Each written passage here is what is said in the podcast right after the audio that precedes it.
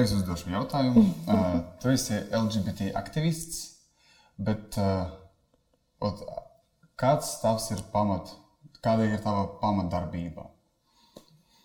Jā, man šausmīgi daudz cepures ir, jā, bet es eh, galvenokārt, jā, es galvenokārt darbojos sabiedriskajās attiecībās. Tas ir komunicēt, un tā, tā, tagad tas, tas pats kā aktīvistam. Mm -hmm. Tas man sanāks labāk, man liekas. Mm -hmm. Komunicēt ar cilvēkiem. Tā ir tāds. Tieši tāpēc savienība ir.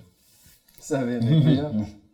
Varbūt, ka tu vari uzreiz sākt ar to, ka mūsu skatītājiem palīdzēt arī saprast šo burtu salikumu, mm -hmm. kas es pieļauju, ka daļai mm -hmm. vienkārši tā arī smuki skan kā burtu salikums, un mm -hmm. varbūt tā, tā smuki viņu atkodēt.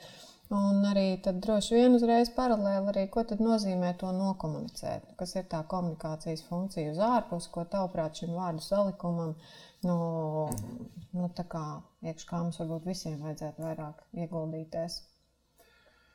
Jā, nu, tie ir, tie ir, pa, tagad ir tie sākuma burti. Jā, jo no Mm. sākuma, Jā, viss, LGBT. jā, no sākuma bija LGBT, tagad ir LGBTI, tagad vēl kļūst LGBTIQ un tā tālāk. Tie, tas burtu savienojums alfabēts ir diezgan uh, garš un viņš sāk arī atkārtoties. Bet, nu, ar L tas lesbietis, G tas ir gay, ir tie tad, homoseksuāli cilvēki, tad ir B ir biseksuāli cilvēki. T tie ir trans cilvēki, un mēs te šeit izmantojam tagad arī to um, argumentu kā trans, nevis transseksuālisms, mm -hmm. kas agrāk tika izmantots, jo transseksuālisms vēl joprojām pastāv tāds mm -hmm. termins, un viņš ir slimību klasifikatorā. Arī zina, kā garīga saslimšana, bet, mm. bet eh, pavisam nesen Pasaules veselības organizācija viņu iz- izslēdza ārā no tādas patoloģijas. Un tad, lai saprastu, kas ir trans, eh, tas ir cilvēks, kurš eh, kur bioloģiskais dzimums eh, neatbilst viņa iekšējam dzimumam.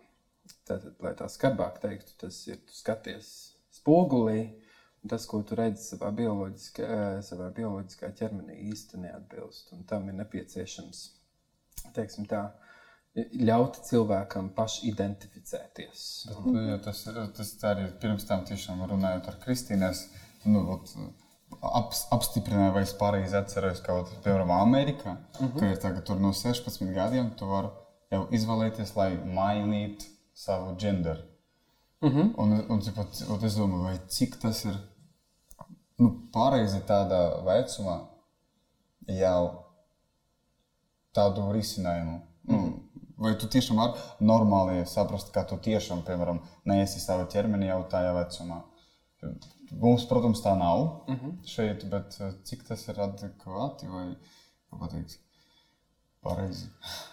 Nu, tā, tā, tas mēs arī vispār par seksualitāti, kad mēs runājam par jo, nu, dzimums un seksualitāti, tas viss iet, mm. tas ir roku rokās. Un, un ļoti līdzīgi, tad, kad mēs runājam par mūsu to seksuālo identitāti, eh, tad kurā brīdī tu apzinājies mm -hmm. gan savu dzimumu, un kurā brīdī tu apzinājies savu seksualitāti. Un tad tas, Un cilvēks jau apzinās to savu dzimumu un seksualitāti jau pavisam mazās, eh, mazos gados, kad viņi ir pavisam, pavisam jauni. un Tad, tad, tad, kad tu pasāc pētīt arī savu ķermeni, tad tu sāc pētīt, kas tev patīk, un tad nāk jau tas posms, kad tev sāk lidot hormoni. Un tad eh, ļoti bieži te, te ir arī eh, tas pret, pretjautājums, ir, kurā brīdī tu apzinājies, ka tu esi vīrietis savā dzimumā. Mm -hmm. ja? un, tad, un tas ir tieši tas pats process, kad, piemēram, tavas, eh, piemēram, ar homoseksualitāti vai biseksualitāti, ja, tad ir tas, tas posms, kad tu sāc īstā apzināties, ka tu varbūt neiederties tajā lielajā vairākumā. Mm -hmm, ja, un tad cil, cilvēks jau cilvēks pavisam ātri jau to uh, sajūt. Tad, kad, uh, kad iespējams kaut kas neatbilst tam, Jā. kas, kas, uh, kas ir vairākumā pieņemts, ka viņš neietilpst tajā, tajā kastītē. Jā, bet vai nu mainīt dzimumu uzreiz tā, var, var, tu vari neiebilst, bet mm -hmm. uh, tāds jautājums par mainīšanas šito. Saprotiet, nevienmēr ne visi trans cilvēki, tas, ka tev tas bioloģiskais ķermenis eh, neatbilst tavam, tavam ie- iekšējam eh, dzimumam, tas nenozīmē, ka visi uzreiz mm -hmm. grib mainīt Nu jā. Un vai visi to var darīt. Jo tas dzimuma maiņas process, kā mēs domājam, tā vienkārši tas ir ārkārtīgi Tas ir smags un uh, ilgstošs process. To nevar izdarīt. Nec dienas laikā tas ir jādara diezgan ilgi. Un uh, tam, tam no vienas puses tur ir tajā brīdī, kad mēs apzināmies, un tas tiek apstiprināts, ja, tad tur ir hormonu terapija. Un ar mhm. hormonu terapiju savukārt ir tāda lieta, ka ir daudz labāk viņu uzsākt pēc iespējas ātrāk, tad, kad mēs esam pilnībā apstiprinājuši, un cilvēks tiešām ir apstiprinājis tas, ka viņi, tas dzim, dzimums, kurā viņš ir piedzimis, un tad dzimums, kas, ar kur viņš identificējās, nesakrīt. Un tāpēc ir tas vecums. Latvijā tie ir 18 gadi. Ah, no 18, Latvijā ir 18, ga, 18 no. gadiem. To var izdarīt, jo cilvēkam jābūt pilngadīgam, ka, viņš, mm -hmm. ka cilvēks var pieņemt to procesu pieņemt šo lēmumu par sevi, bet apzināties, tu jau apzinājies no mazām dienām, un te ir tas jautājums, kurā brīdī tu sāc par to runāt, un kurā brīdī tev apkārtējie, eh, apkārtējie mm -hmm. to pieņem. Jā, jā, jā. Tā kā tas, tas ir tas jautājums. Ir, ir valstis, kurā tev nevajag iet cauri dzimuma maiņas procesam. Jā, jā. Kā, piemēram, Dānija, kur ir tas mm. saucamais apzinātības, eh, apzinātības tests, jeb tā, tā vieta, kur tu arī apzināties, ka tu tiešām tev tas dzimums nesakrīt, un tad tu vērsies eh, pie noteiktiem. Es nezināšu, es, es neesmu tik, speciā, eh, tik speciāls trans jautājumos, bet tu, tu tas process pavisam vienkāršs, lai tu arī varētu mainīt vienkārši savus dokumentus. Aha, jo cilvēks jā. var mainīt to savu izskatu, jā, jā. Eh, kā tas ir, lai viņš atbilstu savam. Teiksim, tā, dzimumam, ar kuru viņš identificē identificējās. Jā, jā. Tā kā tev ne, nevienmēr ir jāiet cauri vienkārši visam tam procesam. Un, bet, jā, bet ja mēs runājam par šo nopietnu operācijas procesu, pirms tam jā, jāatnāk pie kāda kristīnība valodē. Jā, no nu, pārsvarā jau es teiktu, ka ļoti vēlams, ka tas cilvēks kaut kur atnāk, un viņš jau vis, visbiežāk arī atnāk. Jo, mm iedomājoties to jautājumu komplicētību, tas ir skaidrs, ka nu, pārsvarā tīpaši jo jaunāks ir, ir bērns, kuram nu, šis nu, vispār identitātes jautājums konceptuāli paceļās, jo lielāku apjukumu tas rada vidē, kurā viņš dzīvo, tāpēc tās pašas skandināvu valstis ļoti agrīni pievēršās šim jautājumam. Tur, piemēram, ir viens tāds aktualizēts jautājums, vai jau no tāda pavisam maza vecuma, kas ir ap trīs gadiem, kad bērns sāk kā, diferencēt dzimumus būtībā un mēģināt ar kādu no viņiem identificēties, vai tas nav tas vecums, kad sākt kaut kādā veidā arī šo hormonu terapiju lai nenostiprinātu apjukumu. Ne, viens ir bērnām, bet otrs arī sociālajā vidē viņam apkārt, kas uh, rada nu, arī daļu no milzīgā izaicinājuma. Es domāju, ka tas ir uh, pēc nu, būtības, ja mēs skatāmies šobrīd pasaulē. Ārkārtīgi komplicēts jautājums ar to, ka cilvēka seksualitāte jau ir pētīt, nu, patiešām tādā pētniecībā, longitudālā, kad mēs varētu izdarīt kaut kādus secinājumus, kad tad būtu pareizi vai nepareizi, bet vēlams vai nevēlams, varbūt, vai kā mēs varam tomēr parūpēties, lai tā jebkura individa tiesības uz pilnvērtīgu dzīvi un pašidentificēšanos mēs varētu kaut kā stiprināt, ir ārkārtīgi komplicēts, jo mums jau nav tāda ilgtermiņa pētījuma novērojuma, uz kuriem bāza, bā, nu, balstoties mēs varētu teikt, jā, Nu, tagad, ja mēs šo jautājumu ceļam trīs gados, tas ir adekvātāk nekā sešos, vai adekvātāk nekā pubertātē, kad es sāku saprast savus orientācijas jautājumus. Nu, tīri jau cauri fizioloģiskām reakcijām vai emocionālām reakcijām uz, uz partneri, vai kur nu vēl, nu, tur ir tiešām liels jautājums par to pilngadību. Mm -hmm kādā sakarā mēs tik ļoti ilgstoši gribam cilvēku turēt kaut kādā nu, sociāli izolētā stāvoklī, kur viņš īsti nevar atrast savu vietu, lai sagaidītu viņa pilngadību, un tad viņš pats uzņemās atbildību par to, kas viņš ir un, un dara ar sevi, ko viņš grib. Bet arī tad tas jebkurā gadījumā nekad nav novienkāršots process, kur es nevaru tā vienā dienā sēdēt, izdomāt vai sajusties, aiziet un man kāds izrakstīs hormonu terapiju vai, vai veiks dzimuma maiņas operāciju. Tas jebkurā gadījumā ir process, kur vienmēr ir iesaistīti speciālisti, kuri vispirms diagnosticē personības garīgo veselības stāvokli, nu, cik vispār tā ir personība, kur ir spējīga kaut kādā veidā izdarīt kaut kādu spriedumu par sevi. Un, protams, arī nu, visu no tā izrietošo, kas arī ir nav mazsvarīgs jautājums, par ko mūsdienās sāk ar vien vairāk runāt, kad uh, cik kurš organisms ir spējīgs vispār izturēt vai pārciest vai nu, to visu milzīgo bioķīmisko izmaiņu procesu, ko reizēm nozīmē šīs izmaiņas, kas ir tāda fiziskā atbildība par manu ķermeņa limitētību. Nu, jau attiecībā vispār pret manu dzīvi un, un dzīvot spēju. Es nedomāju, ka uz pasaules šobrīd ir kāda valsts, kurā tas tā ļoti ārkārtīgi vienkārši un viegli būtu, būtu mm -hmm. izdarāms. Ir valstis, kurās noteikti tas nav tik varbūt komplicēti, tīri tāpēc, ka viņas ir atbalstošākas pret to fenomenu pašu kā pēc būtības. Un ir valstis, kurās, kā piemēram Latvijā, tas ir joprojām arī ārkārtīgi sarežģīti tikai tāpēc, ka nav atbalsts arī um, videi, kurā šī personība, piemēram, ir dzimusi, augusi un attīstījusies. Jo viens ir atbalstīt patu pašu personību, bet otrs ir atbalstīt, piemēram, viņas, viņa vecākus. Vai atbalstīt tāpat tās skolas biedrus, vai darba kolēģus, vai partnerus, vai nu, kas konceptuāli maina vispār šī jautājuma nu, tādu Jā. komplicētību. Bet, manuprāt, mēs esam baigie iesācēji tajā visā. Ka šis nav. Ne. Trans jautājumos mēs neesam iesaistīti. Te ir grāmatiņa, ko esmu atnesis, un tad ir par LGBT vēsturi, un tur Jā. ir par dzimumu maiņu. Es tagad tieši uzreiz neatradīšu, kurš kur tas ir. Un tie ir padomu laiki, kad Latvija ir ja padomu savienība. Mm -hmm. Tajā gadā Latvija ir uh, pirmie, kas veica dzimumu maiņas operāciju. Oh. Mm. Tas bija Viktors Kalnbērs, kas, eh, kas ir pamatlicējs. Jā, šeit, eh, šeit Kuram bija krietnes nepatikšanas pēc tam. Bet viņš, eh, bet viņš ir mainījis. Patikšanas par ko? Vairāk nu, par to, ka, ka viņš veica to operāciju. Jā, tas nopietni. Bet viņš ir veicis 18 jā. dažādas veiksmīgas mm. operācijas. Un, un, un, un tā kā viņš šeit arī rakstīts, ir tas, piemēram, 68. gadā viņš mm. saņēma vēstuli Un ar to tas arī viss sākās. Un tad, uh, un tad 72. gada vasarā varēja konstatēt, ka viņam ir izdevies uh, veikt pirmo pilnīgo dzimumu maiņas operāciju Padomjas Savienībā. Tā kā šeit jūs varat paskatīties, ir, jā. tas. Ir, tas, ir, tas ir eh, šokējoši, un to mēs ārkārtīgi bieži sakam, ka Latvija ir Un Kalnbērs ir viens no pionieriem. Mm. Ja, tas, kāds viņam ir pamats un ko viņš par to domā pats personīgi, ja, tas varētu būt, būt atšķirties mm. no, no tā, ko mēs gribētu. Bet, Aha. bet uh, Latvijā šis jautājums nebūtu nav. Uh, nebūtu nav nekas jauns. Un uh, īstenībā par vispār par dzimumu, par seksualitāti, tāpēc mums te ir simts gadi, bet mēs varam runāt vēl stipri vairāk. Jo, jā, jā. jo Ineta Lipša, kas arī ir uh, autori, kas arī savāc visus šos materiālus.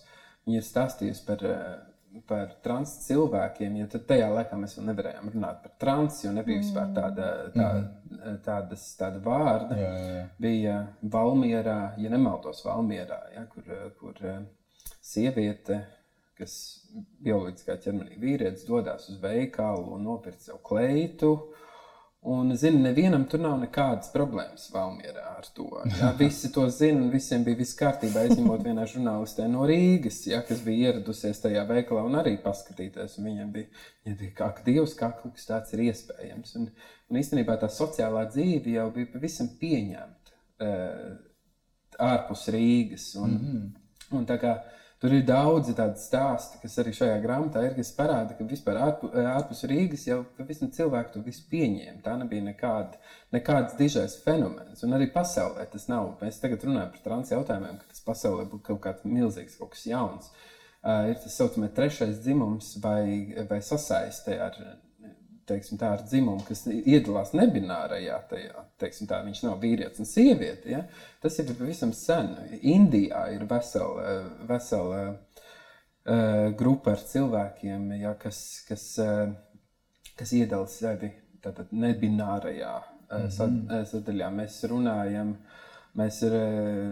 Uh, ir arī tajā burbuļu kombinācijā, kas iet vēl uz priekšu, mm -hmm. ir, ir two S, ja, kā mēs sakām, tas ir two spirited, kas uh, savukārt uh, pir, uh, pirmie dzīvotājiem Amerikā. Viņiem bija teiksim, tā izredzētie cilvēki, kas sevi apzinājās kā iespējams citā dzimumā vai apvienoja abus dzimumus. Mm. Viņi, viņi tika uzskatīti par garīgi pārākiem nekā, nekā pārējie. Ja? Tā kā tas fenomens, ja viņi skatās tā pamatu pamatos, viņš ir bijis vienmēr. Ir jautājums, kurā brīdī tā sociālā kontrole ir bijusi tik skarba, lai viņu no, eh, lai kaut ko izslēgtu no mhm. sabiedrības. Mm -hmm. Tas nav nekas, nav, tas nav nekas jauns, bet, bet, eh, bet par to netiek, eh, par to nevar tik daudz, un par to netiek daudz runāts. Es domāju, ka tas jaunais ir noteikti tā statistika, ko mēs mm -hmm. šobrīd sākam veikt. Es vairāk biju domājis to tādā aspektā, ka, lai mēs izdarītu, nu, iet prom no konspirācijas teorijām un individuālām kaut kādām pasaules uztverēm vai nu, kam mēs ticam, bet kaut kā vairāk vai mazāk saprastu kaut kādus nu, tīri novērojamos, balstītas, nu, balstītas nu, varbūt faktoloģiskus materiālus. Man liekas, tajā mēs visi esam ļoti jauni. Un, un tā nedrošība saistībā, liekas, ar cilvēku tādu seksuālo aspektu un vispār sevis izpratšanu kā seksuālu būtni, mm. viņi jau ir salīdzinoši Nu, kā lai saka, nu vispār cik to cilvēku seksualitāti pēta, tas ir kaut kāds 120 gadi apmēram, kur mēs varam sākt redzēt kaut kādus pirmos vispār patiešām objektīvos pētījumus par uzbudinājumu, par iekāri, par pašapmierināšanos, kam tas vispār vajadzīgs.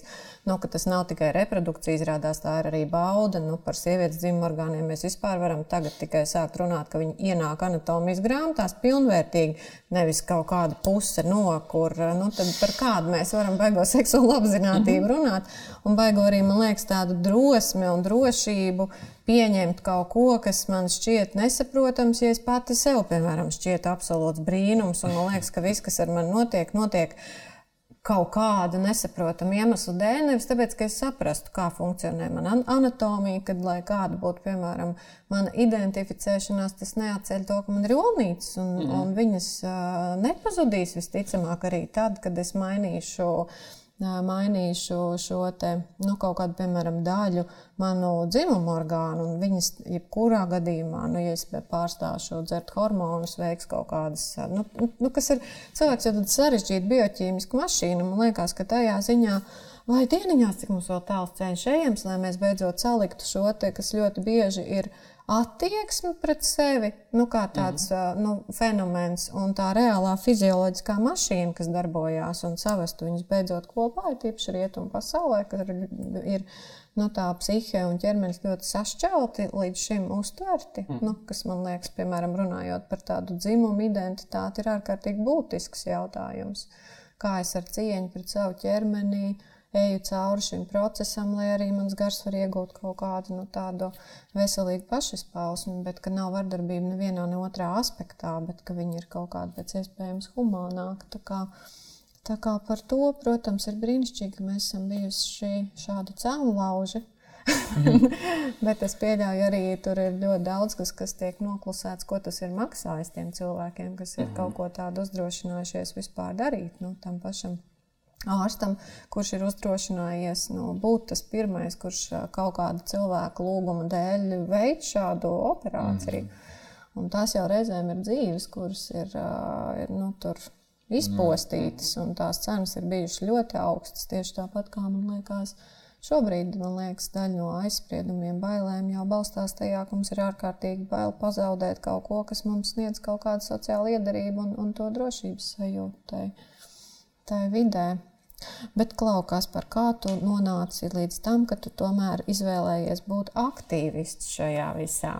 Jā, un, kas arī ir savā ar... ziņā nu, tāds uh, celmlauzes, ceļa bruģētājs. Tā vairāk jā, gribas tev arī uzzināt, saprast, cik ilgi jau eksistē LGBT, piemēram, savienība Latvijā un kā, ko viņi dara. Mm -hmm. nu, tā, lai arī skatītājiem būtu skaidrs, kas tas ir, priekš kam kā tas palīdz vai nepalīdz. Mm -hmm.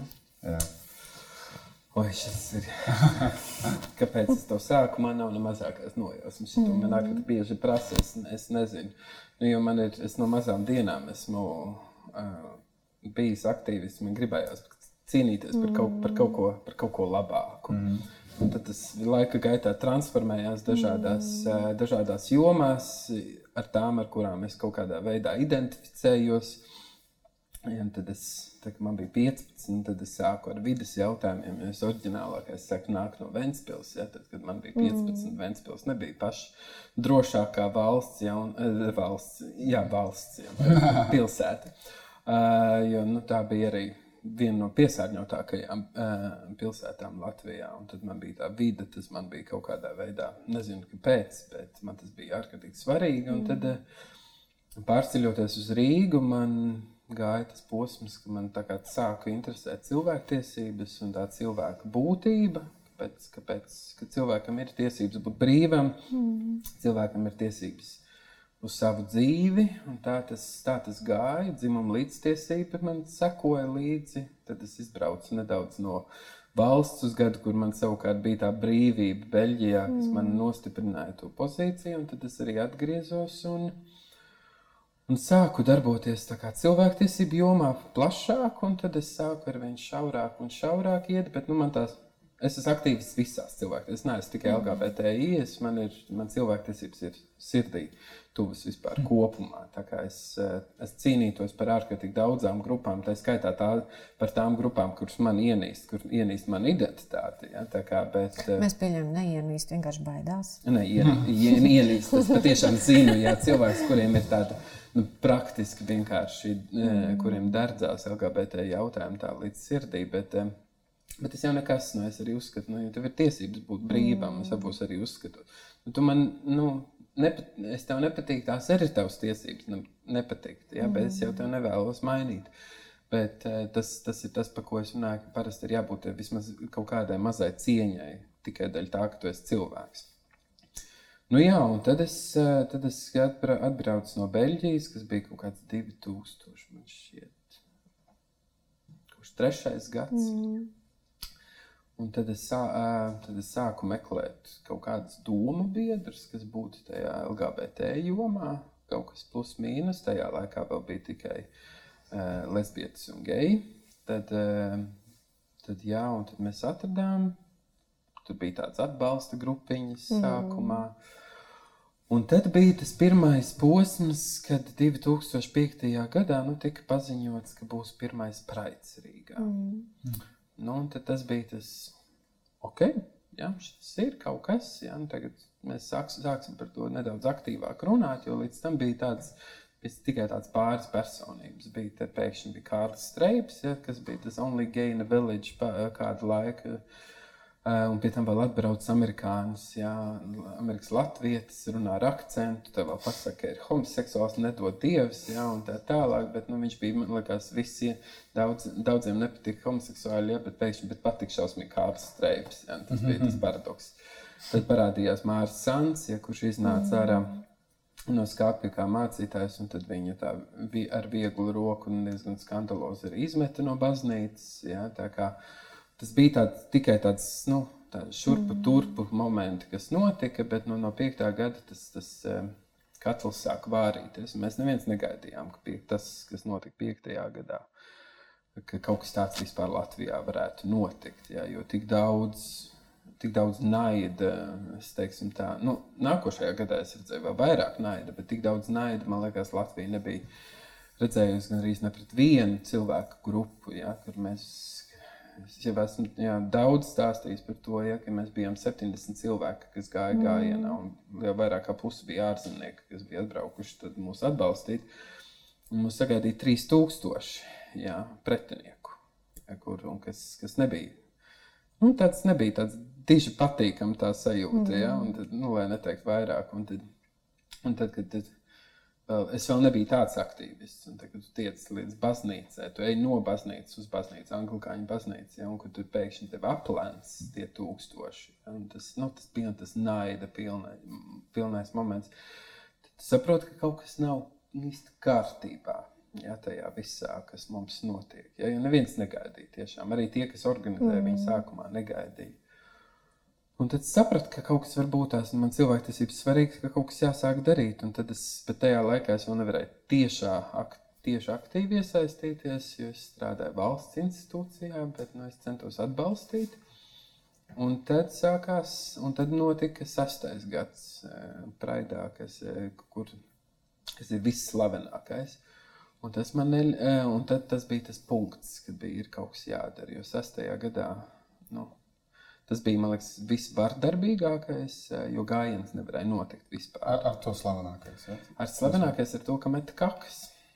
Jā, tas bija tas īstais, eh, tas bija tas saucamais kaku mešanas festivāls, kā mēs viņu saucam. Jā, un tad, un tad bija tieši brutāli, vienkārši cilvēku maisiņos bija sagatavojušies.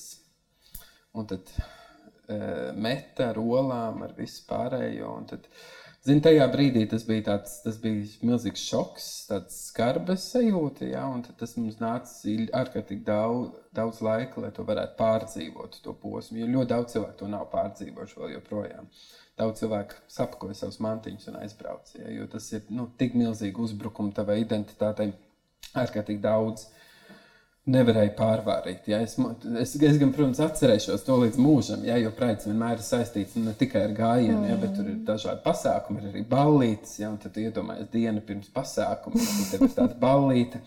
Tu esi atbraucis, tagad sagaidi, ja? un tas tieši bija Mārcis Sants, bija, man liekas, atbraucis no baznīcas. Uh, Un mēs iekāpām liftā, mums pasākums bija sastajā stāvā, ja, un tad nu, Mārcis Sants bija noklāts, ja, un tad aiztaisās lifta durvis.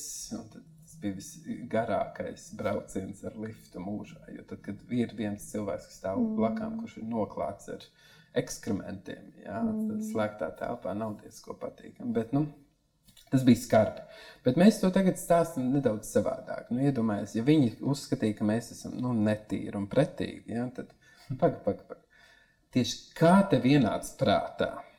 Mest mēslus mums. Nu, tas ir viens. Nu, labi, tas jau ir. Un kā tu to visu vāci?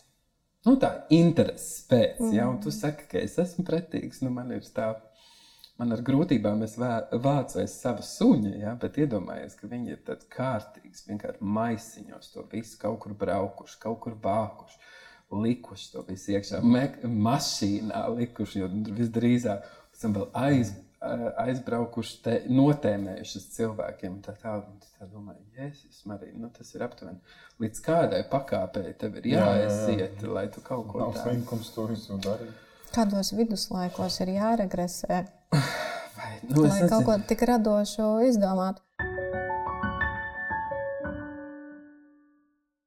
Es vienkārši gribēju, tagad, nu, esot uz tādas emocionālas kulminācijas, Jā. tomēr jūs esam arī ar šiem stāstiem ievadoši klausītāji.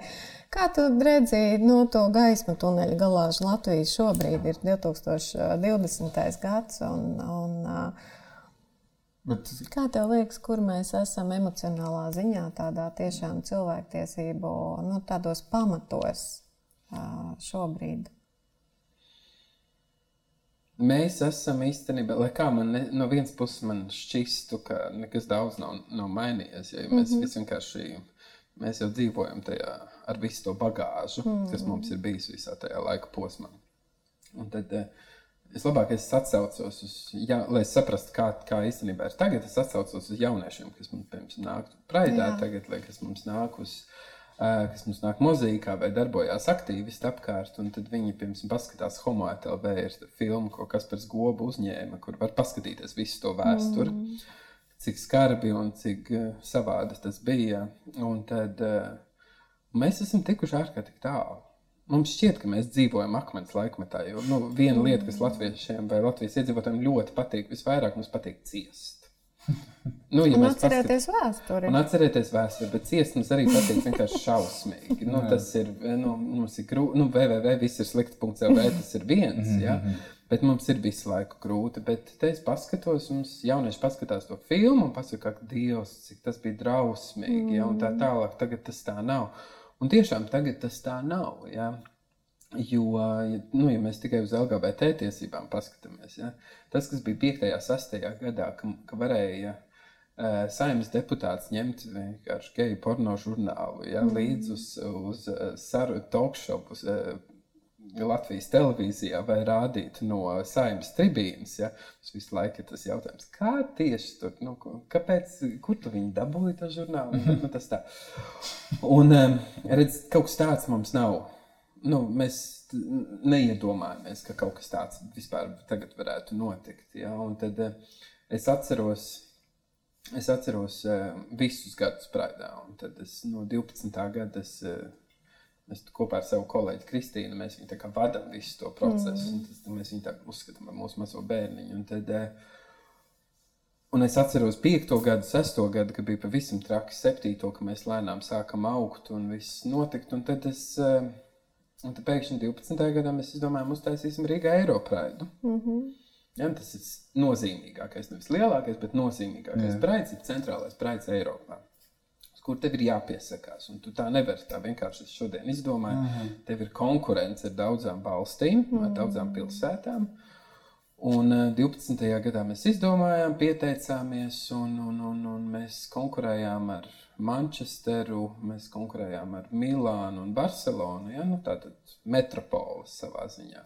Mums bija vissliktākās atbildes, ja, jo visiem bija tādas skaistas mapītes, ja pilsēta ir atbraukusi līdzi, ka mēs to tā un šitā taisīsim. Mēs ar Kristīnu bijām tajās Rīgas maiciņās aizbraukuši. Ja.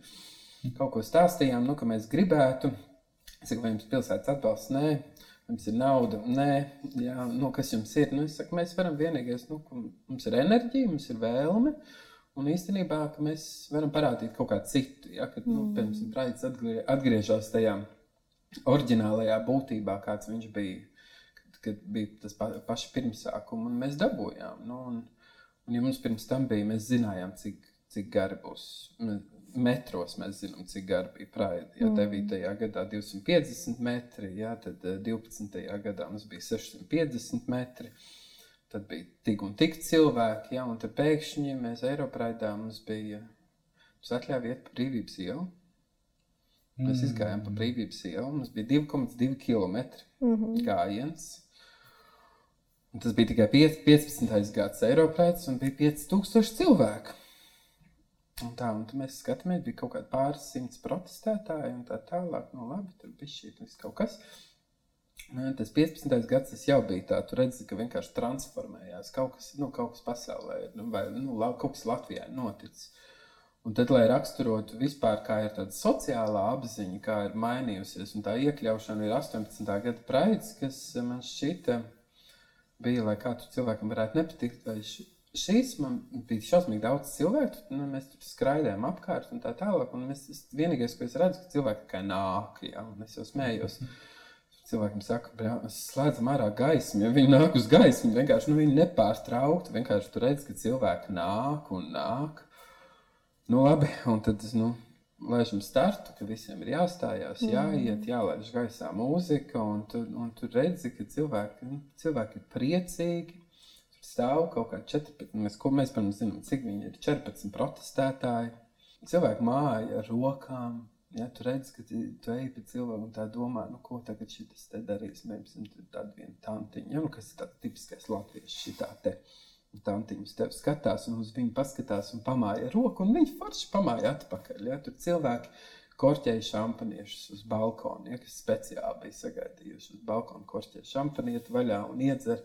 Bija viens, kas bija speciāli saģērbies kā vienradzes no loga, lai visus sveicinātu. Ja? Un tad tu redzi, tu redzi tādus cilvēks skapī, ja, kas vienkārši stūra, skatās, skatās, un viņi redz to nu, viņi ļoti bieži nezina, ka mēs visu redzam, ja, mm. bet viņi, viņi redz to prieku un tad pēkšņi mm. ieskrien pa vidu ja, un pievienojās. Un tad, un tad mēs izgājām visu cauri to gājienu, mēs tā ejam, un tad policija vienā brīdī mums pasaka stop, ja, kas man liekas bija stabu un brīvības stūris, ne, bruņinieku un brīvības stūris, un pasaka stop, jo mums ir bijis jāsaiet kopā. Nu, un tad saka, kā jāsiet kopā. Nu, jūs pikcīt esat izstiepušies un tā, bet nu, tā, lai mēs varam nokontrolēt. Tā, nu labi. Nu, kas? Nu labi, nu jūs nu patās tikai no aste, nu patās izgāja. Mēs esam tādi brī, brīvības un bruņinieks stūri. Mm -hmm. Aste, nu patās iznāca no vērmanas dārza ārā. Un tad es tā vienkārši skatos tā. Ah! Nu, un mēs bijām 8000 cilvēki, jā, aptuveni. Tad, tad tā redzi, tā, ah, mēs bijām 72,5. gadā, tagad mēs esam tā 8000 cilvēki. Nu, labi, nu ejam, nu ejam, viss. Nu.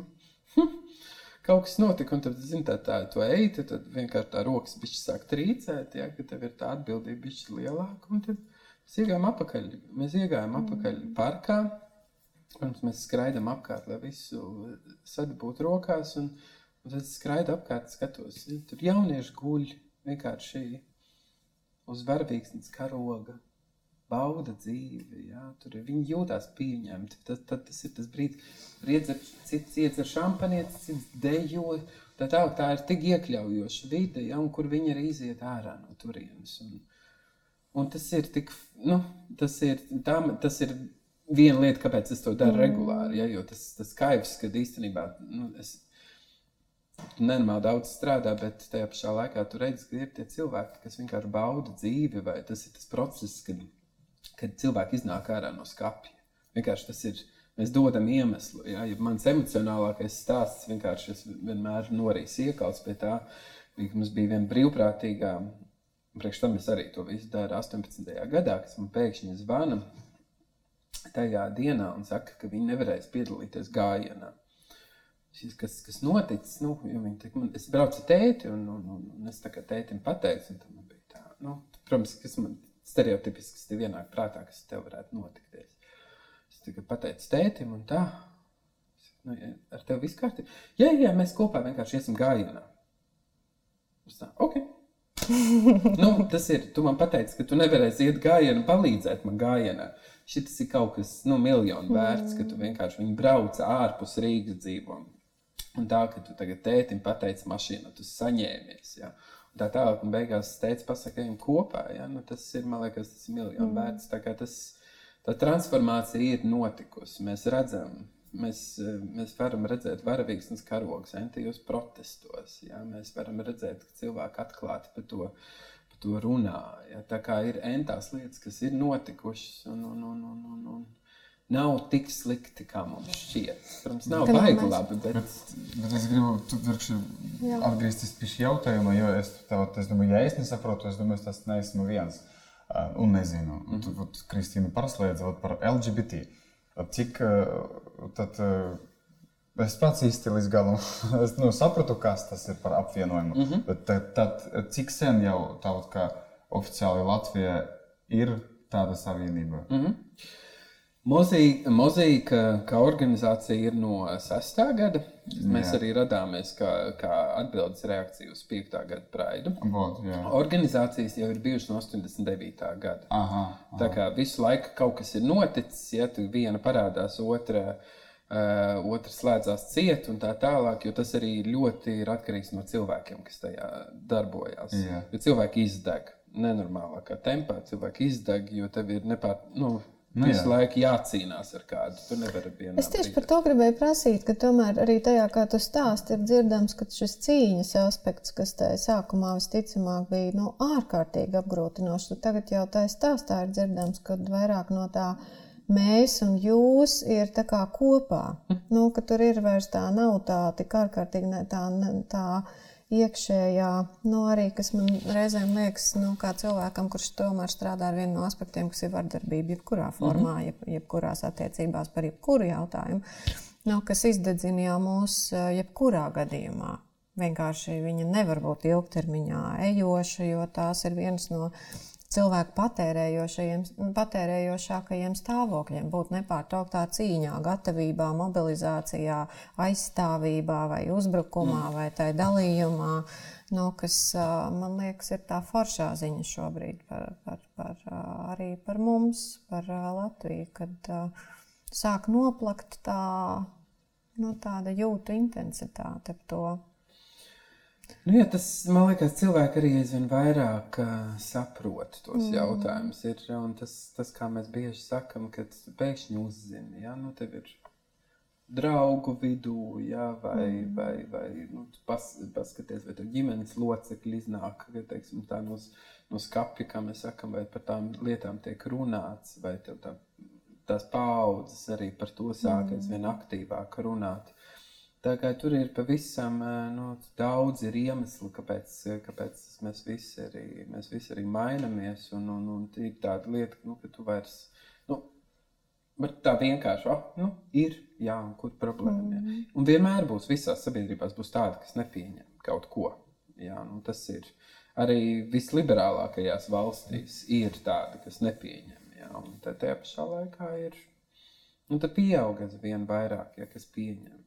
Un tas, kas, tas, kas mani fascinē pie tā, kopš, kas pieņem visvairāk, īstenībā mm. es daudz smējos, tie ir Neba Rīga, kur mums šķiet, ka mēs, dzīvosim, mēs dzīvojam metropolē. Jā, metropolē tad ir jābūt vispieņemošākajam. Un tad, ko mēs redzam arī LGBT kopienu, viņi pat migrē visā pasaulē. Viņi migrē uz lielajām pilsētām. Jā, un, jo lielajās pilsētās tā, tas iemesls ir daudz vienkāršāk satikties, ja, būt anonīmākam vai kā savādāk. Bet īstenībā vispieņemošākie Latvijā ir lauki.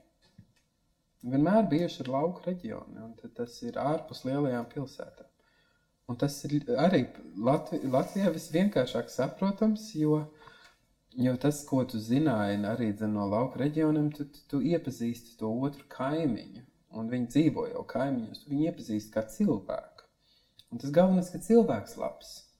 Un es viņu pazīstu, un es identificēju visu to kopienu plus mīnus ar to vienu cilvēku, ja, kas, kas īstenībā ir forši. Ja? Un, ja man, ja man viņš nepatiks, vai es viņu nepieņemšu, ja mēs, man būs sāli jāiet uz ūdeni desmit km uz otru pusi, ja? jo mēs no nu, Latvijas kā mums patīk teikt, Tas ka mēs, esam, ja, ka mēs esam mazi valsts, bet īstenībā, ja mēs tā paskatāmies kopumā, ja, mēs esam vienkārši mazi cilvēki, ja? bet valsts mēs esam diezgan lieli.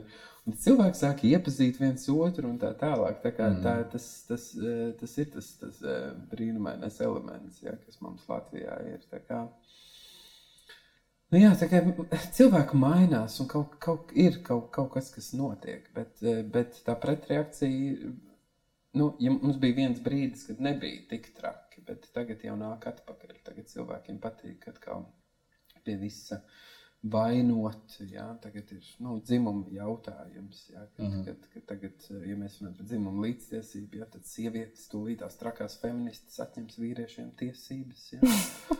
Un, uh, un visu, visu pārējo, jā, jo nedod Dievs, jā, kaut kas, kad tagad sievietēm būs vairāk tiesības nekā vīriešiem. Kaut gan neviens nesaprot to, ka dzimuma līdztiesība ir, tāpēc ir vārds līdztiesība. Jā, mēs, vienmēr, mēs vienmēr atradīsim kaut ko, kas būs visa ļaunuma sakne. Jā, tagad no gejiem transformējas atpakaļ uz sievietēm.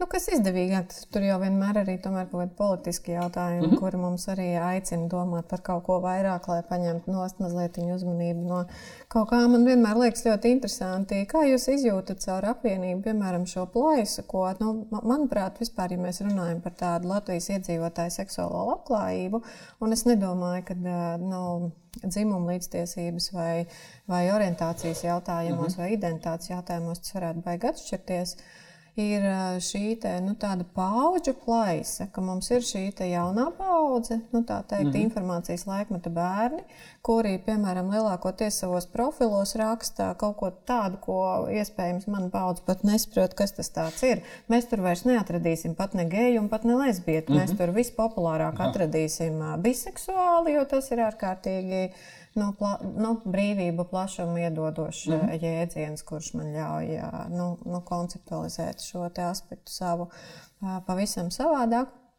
Kā jūs sajūtat to, ka tie mūsu bērni jau ārkārtīgi mūs konfrontē, jo viņi vienkārši ienes tos jautājumus sadzīvē? Viņi ģērbjās tā, ka mēs vairs nevaram saprast, ko nu aizēju uz jebkuru jauniešu pasākumu, tu nevari vairs pateikt, meitenes tā neģērbjās, puikas tā neģērbjās. Mm -hmm. Nav nu, tu pasties, kā viņš sevi promotē tajā sociālajā vidē. Viņš sevi promotē tā, ka tu pat reizēm nesaproti, kas tas ir, mm -hmm. ko viņš ar to grib pateikt. Kā jūs šo te izjūtat? Jo es pieļauju, ka jums apvienībā noteikti ir vēl košāki piemēri ar vēl drosmīgākiem jauniešiem savā ziņā. Nu, nekā par, nekā Jā. lielo skolu populārā šī popkultūra, kur vienkārši spēlējās, manuprāt, šobrīd gan ar dzimumu identitāti, gan ar, ar, ar šo orientāciju. Mm. Vienkārši tāpēc, ka tas ir interesanti viņu izzināt. Nu, te, te, ja mums ir nu, viss spektrs, jā, mm -hmm. tad ir jautājums, ar kurām grupām tu strādā. Mēs dabūjam dabū visu spektru, un tad, eh, tāpēc mums ir mozaīkā, jo tagad tur ir agrāk, tur, bija mozaīks birojas, mēs esam uztaisījuši tādu LGBT house, ja, kas, mm -hmm. ir, kas ir tāds kopienas, neliela kopienas vieta, kur tas ir arī ar tādu safe space elementu, ja, ka tajā brīdī, kad tu tur ienāc, tā ir droša vide, kur tevi pieņems, kur tevi pieņems tāds, kāds tu esi. Mm -hmm. ja, un tad, tad tā ir tā vieta, kur tu vari būt, un tad brīžiem mēs redzam, un tad mums. Uh, Mums ir atbalstītāji, ja, kuru mēs izstāstījām to LGBT house pēc būtības un kā tas viss notiek. Viņi, viņi nopirka to visu domu un izremontēja mums visu tā mhm. telpu, lai viņi būtu daudz iekļaujošāki. Un, kā mēs sakām, mums ir viena no interesantākajām vietām LGBT house ir toalete. Ja, tad jums jāatnāk, jūs redzēsiet, vienkārši tā ir īstenībā.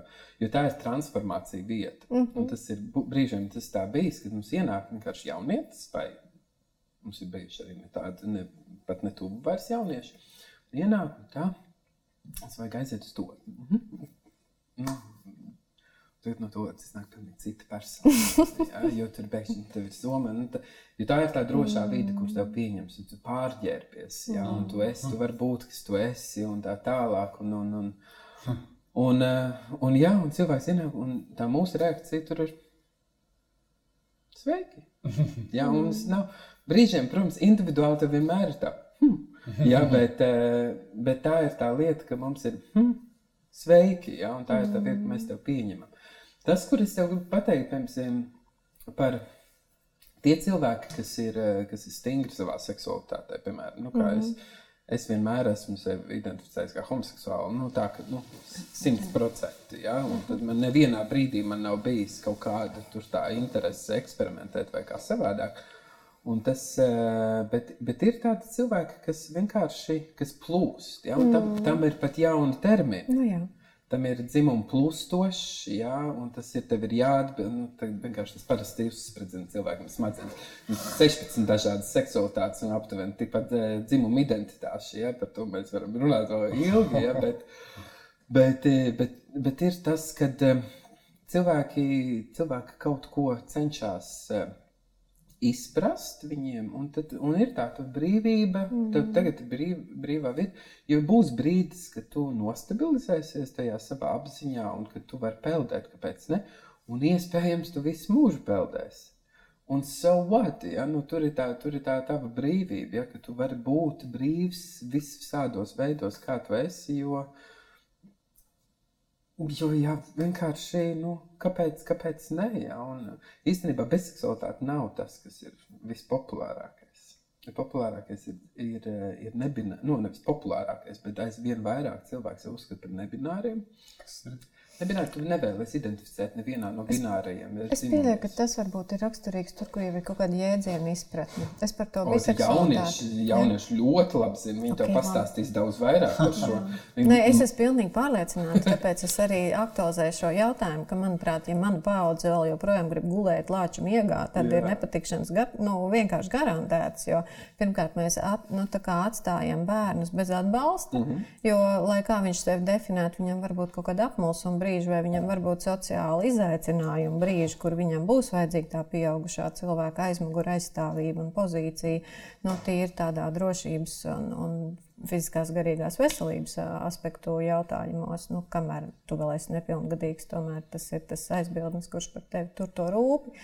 Un arī nu, tajā kaut kādā tādā varēšanā kaut kā piederēt, iederēties, no, um, kā lai sāka, pat uh, Nu, tādā arī tādā tā savā dzimtā atrast kaut kādu to atskaites punktu, kur es neesmu pēkšņi palicis viens pats jaunietis pasaulē kopā ar citiem jauniešiem, bet man ir kaut kāda šī savas dzimtas pēctecības aizmugures sajūta, kur ļoti bieži šie jautājumi nostājas starp mums un mūsu, mūsu iepriekšējās paudzes vecākiem, vecvecākiem, jo tur nav pat jēdzienu izpratnes, tur nav, nerunāsim par to, ka tur varētu būt kaut kāds atbalsts, ka tur Nerunājam par to, klusējam. Nu, es, bet te, te arī, nu, ja, piemēram, jā un nē, jo brīžiem ir tāds sajūta, ka mēs domājam, piemēram, par vecākiem cilvēkiem. Jā. Ja, tas ir arī patīk pieminēt, kas par Artūru ir, ja, kur dien, par dienas grāmatām būs arī runa, bet, bet um, mums šķiet, ka tie vecāki cilvēki neko nezina. Ja, un ka viņi tam nav gājuši cauri, varbūt kaut kādi viņiem tie termini nav, bet bet viss ir, viss ir bijis un ir ārkārtīgi pieņemoši. Mm. Ja, un cilvēki, Saku, piemēram, man ir mans success stories, jā, kā es visu laiku saku, ja, nu, visu, uh, man, mans coming out bija visvienkāršākais. Ja es pateicu savai mammai strīdu dēļ, strīdu veidā, ja, mm. un viņa tāpat strī, strīda laikā pateica, nu, ka tas kaut, kaut kāds jaunums. Es jau zināju, ka tev, trī, ka tev bija trīs gadi, ja, un tad saprotu, ka viss strīds beidzies. Ja, kas speciāls strīds tika radīts, lai tu varētu izmest to, un tu redzētu kaut kādu argumentu, ja, un tad pēkšņi tas viss beidzās. Ja, nu, es jau zināju, ka nekāda jaunuma tajā visā pasākumā nav. Ja, un, tad, un, un viss, nu, mēs esam pieņemts e, ģimenē un savādi, bet tas, kas man liekas, ir LGBT kopienai savādāk, ir tā vēl viena lieta vēsturiski veidojušās arī ne tikai tās mūsu īstās ģimenes, mm. bet, eh, bet tajā brīdī, kad tev ir bail par to, kas, eh, kas notiks, vai tu jutīsies nepieņemts, mums ir pieņemtās ģimenes. Un tā ir tā mūsu ģimene, ko mēs veidojam sev apkārt ar mūsu tuvākajiem draugiem un tā tālāk. Un tā, tā ir tā, un tas, man liekas, LGBT kopienai vēsturiski ir tā, tā, tā mūsu īstā ģimene, un tad ir tā pieņemtā ģimene, ja, mm. kur, mēs, kur mēs viņu veidojam. Un tas ir īpaši. Ir, uh, starp jauniešiem, starp cilvēkiem, ja, kas nāk no tādām superkonservatīvākām uh, konservatīvākām, uh, publikām. Tas ir, ja tu nebūsi pieņemts vienā vietā, mēs veidosim to otro mm. ģimeni, ja, kas, kas, tev, kas, tev, kas tev pieņems. Uh, tādu, kādu tu esi. Ja? Un, un, Vai iedos jā. arī droši vien kaut kādus tos uh, instrumentus, kā man tā sociālā sevi vispār reprezentēt, mm -hmm. kas, manuprāt, arī ir diezgan tāds uh, liels, konceptuāli interesants jautājums, jo pieņemot šo tradicionālo heteroseksuālo kultūru, ir skaidrs, ka tur ir jau kaut kādi gadsimtiem izkultivēti derīgi vai mūsdienās nederīgi. Par to jau labi, arī kāds paceltu šeit jautājums. Mm. Bet tur ir tomēr kaut kādi tie nu, kā lai saka, tie nosacījumi, pēc kuriem es vismaz varu identificēt, man šis nav pieņemams, es nekad tā nedarīšu. Mm -hmm. Bet, nu, kas man liekas, ir jebkurā tādā um, minoritatīvākā pieredzē, kad uh, reizēm jau tas ir ārkārtīgi būtiski, ka man ir kur pavērot. À, Izrādās, ka tas ir šitā, nu kā es kaut ko tur, nu vienalga, kaut vai, mm -hmm. piemēram, tas flirts, nu, kurš es vēroju, nu, piemēram, dzīvojot, uzaugot kā bērns tajā savu divdzimumu vecāku ģimenē, nu, tas darās tā, kur es tur tādu vīriešu flirtu, piemēram.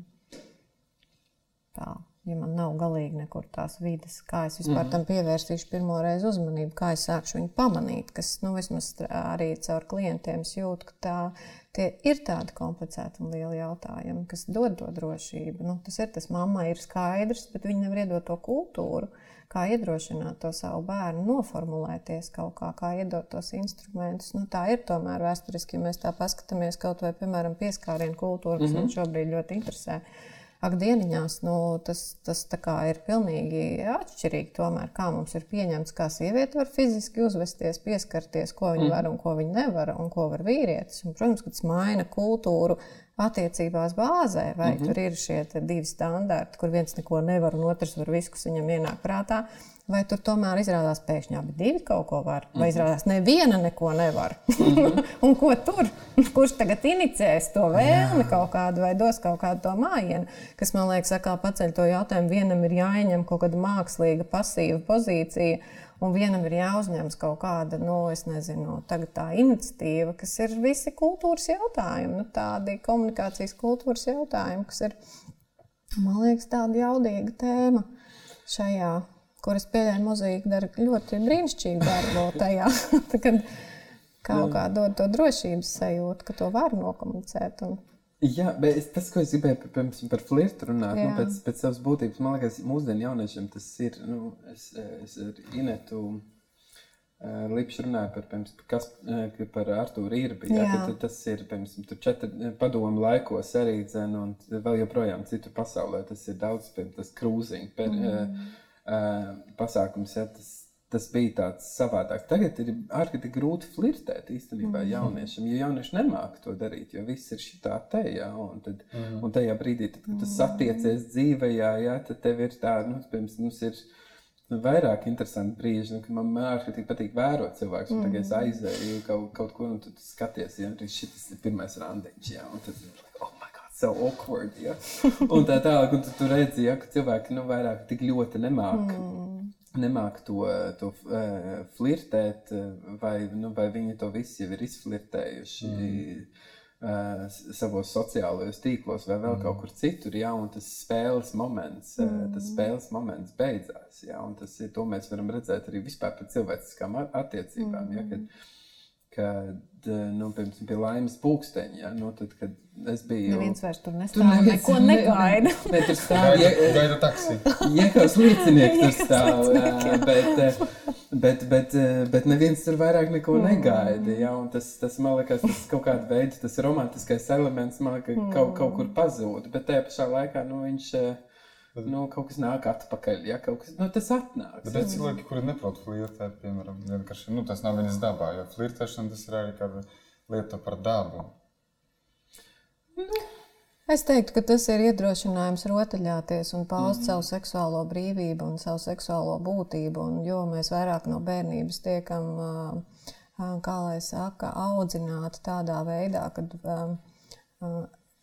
rādīt, demonstrēt otram savu seksuālo varēšanu, nu, tā kā savu seksuālo varu. Ar to ir slikti.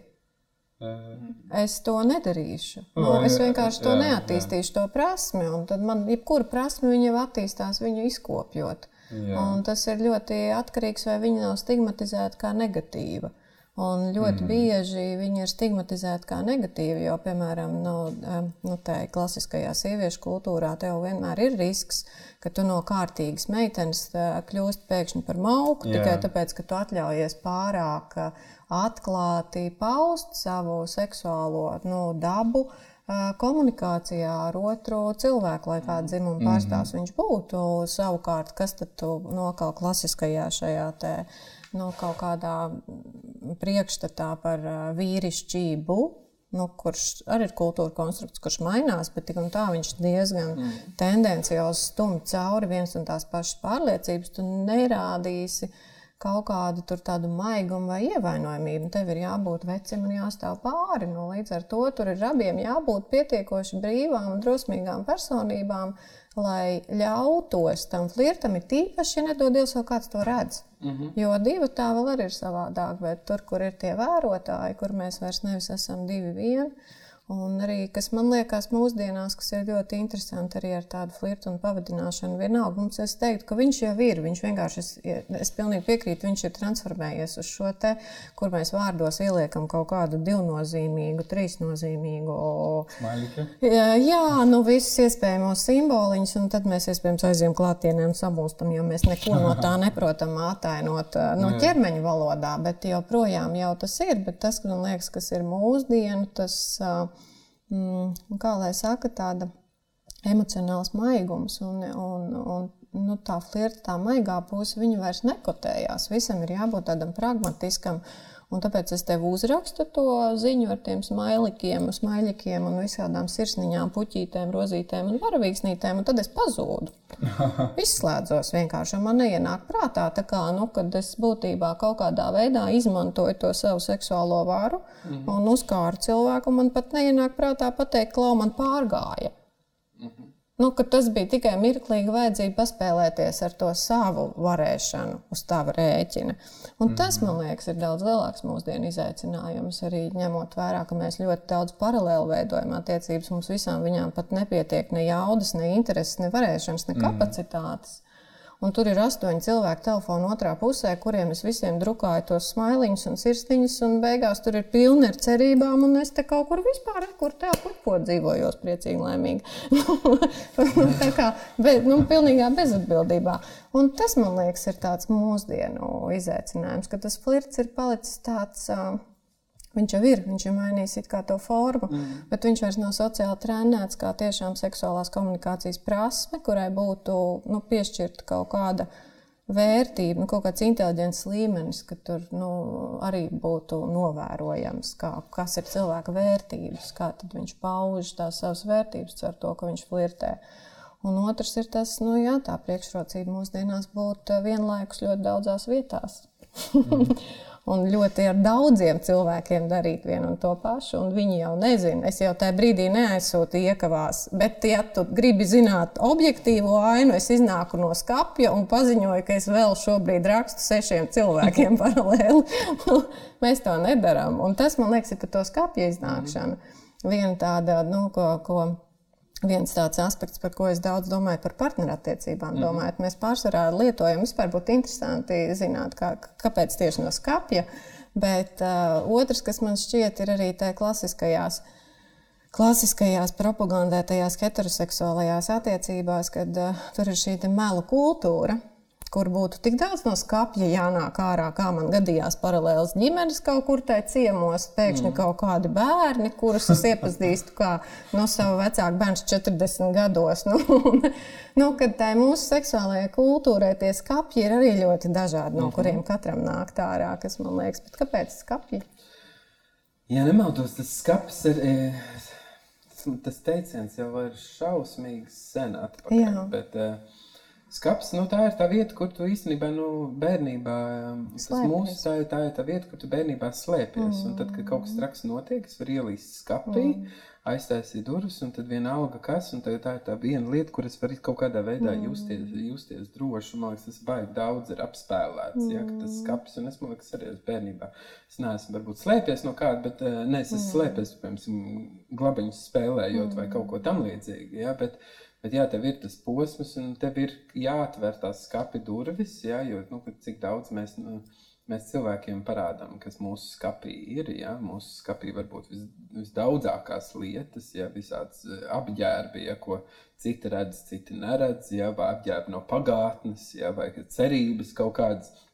Un te pēkšņi tev tas ir jāparāda, jā, un tas varētu būt cilvēki, cilvēki nejūtās vienkārši droši ja, to parādīt, ka tev, nu, tu varbūt tās neietilpsti tajā melns un balts, mm. ja, kā tu esi apzinājies. Bet tu jūties, bet tajā brīdī, kad durtiņš ciet, es darbojos savā vidē, mm. es tur mm. jūtos ārkārtīgi droši un tā. Un to, mēs, to es redzu arī pirms tas, kas, tas, kas ir. Uh, Tā, mēs redz, pirmo reizi satikāmies un runājām par, par, par, par geju klubiem Jā. un uh, tām lietām, tas arī ir tāds Tas ir tas, eh, arī tur ir tas flirta elements. Mm. Bet sākumā par to skatu runājot, nu, ko es piemēram, redzu par geju klubiem. Ne tikai piemēram, Latvijā, bet pasaulē viņi vēl joprojām eksistē. Tā ir tāda vieta, un tu tā ieej iekšā. Ja? Nu, tad, kad tu tur ieej iekšā, tad ir tik daudz cilvēku, viņi atplaukst. Ja? Un tas, saprot, piemēram, tīpaši geju vīriešu kopienā. Ja? Tad tur ir vesels, mm. vesels nu, mums uh, patīk judging, ja? tur ir pilnīgi visus, ja? nu, tā, tā ir atplaukts. Tur Bet tad, kad tu izēji ārā, ārkārtīgi daudz cilvēku tā iziet ārā, noliec galvu un aiziet. Mm -hmm. ja, un tas ir tik interesanti to, tik interesanti to pamanīt. Ja, ir, ir, ir not, noteikti cilvēki, un to tur ļoti bieži redzi. Ja, tie cilvēki, kas no, noliec galvu un fiks pazūd. Viņa dzīvē īstenībā ir ārkārtīgi vientuļa, un viņiem tas, tā, tā iešana uz to klubu vai kaut kā tamlīdzīga, tā ir tā vienī, tas vienīgais brīdis, kad tu vari būt ārā, ja, kur tu vari būt iz, izprasts. Jā, tas, tas ir tas brīdis. Jā, un tad ir mazāk ir tie cilvēki, kas vienkārši ka, uzplaukuši, viņi arī tur iepeld iekšā. Ja, un, un, un, un tā ir arī tā drošības sajūta, ja, ka tu tur ienāc iekšā, ja, un tu vari piemēram tur flirtēt, vai vienalga tu tur vari spēlēties ja, tajā vietā. Un, un tā ir man, un par flirtu runājot, arī tāda geju klubi ir jo īpaši. Ja, nezinu, starp vīriešiem daudz vienkāršāk novērot ir flirtu, ja? nu, tādā šitādā veidā, ja? nu, kad tur ir. Bet tajā pašā nekā es pieņemsim, to redzu piemēram, starp sievietēm. Jo ar manām draudzenēm runājot, nu, es, ne, es, ne, es nekad nespēršu pirmo soli. Jā, jā, es saku, šī ir tā sieviešu klasiskā audzināšana, un tad es pieļauju, ka tādās uh, sieviešu savstarpējās attiecībās tas kaut kādā aspektā vienmēr būs jautājums. Nu, ja neviena no mums nekad nespērs to soli, ja neviena nekad nu, neatklās no noslēpuma, ka man tās simpātijas ir, mēs iespējams mm. nekad neuzzināsim. nu, tas ir tā kā. Uh, Nu, ka katrai tai kultūrai ir savas sekas, man liekas, un arī tāpat tās domājot piemēram, par to noslēgtību. Uh, Jebkuru citu savu personības aspektu mēs socializējam. Mēs saprotam, ka, ja citi cilvēki nedos viņam nu, to saucamo svētību, blessingu, mm -hmm. vienalga to savu liecību, ka es to redzu, es to pieņemu un ir ok. Nu, es tur varu papurpināt, kaut ko pateikt, bet mm -hmm. principā es tā kā nezinu, neko tā to situāciju baigi neietekmē, tā tad ir ok. Es līdz ar to brīvāk jūtos, jo sociālās būtnes neizbēgamība ir. Tā ir zināmā mērā atkarība un vienmēr būs no citu cilvēku šīs labvēlības. Nu, ar to domu, ka man nav vajadzības slēpties, man nav vajadzība noliegt kaut kādu savu aspektu, un ka cilvēks spēj ar viņu dzīvot un spēj ar viņu, nu, kā lai saka, pat viņu caur viņu kaut ko gūt, un reizēm pat nebaigi patīkamā veidā, bet caur viņu augt un mm -hmm. attīstīties. Un kas man liekas, ir, jo mēs ilgstošāk uzturam šīs slēgtās vidas, mēs jau būtībā paši sev liedzam socializēt to savu dažādību. Jo mani nevar socializēt tas, kurš jūtās vairāk man līdzīgs. Mani mm. var socializēt tas, kuram liekas, ka kas tas tāds. Nu, tur es, ja izturu to, tad tur man aug tas mugurkauls saucamais. Tur man aug tā ļoti bieži jautājums. Nu, nu, tīri psiholoģiskā pakalpojuma sniedzējiem ir ar man ar pašapziņu kaut kas nav kārtībā.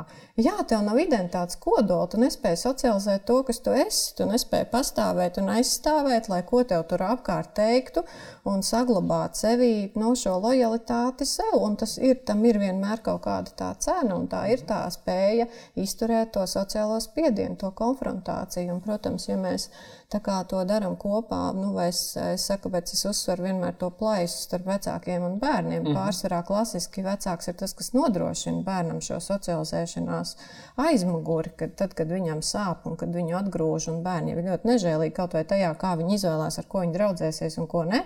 Vienu dienu tu domā, ka tev labākais draugs, otrā dienā izrādās viņam jau sen tur cits draugs, un viņam vairs neinteresē pieaugušo kultūrā, jo tomēr tik traki vairāk mm. nav.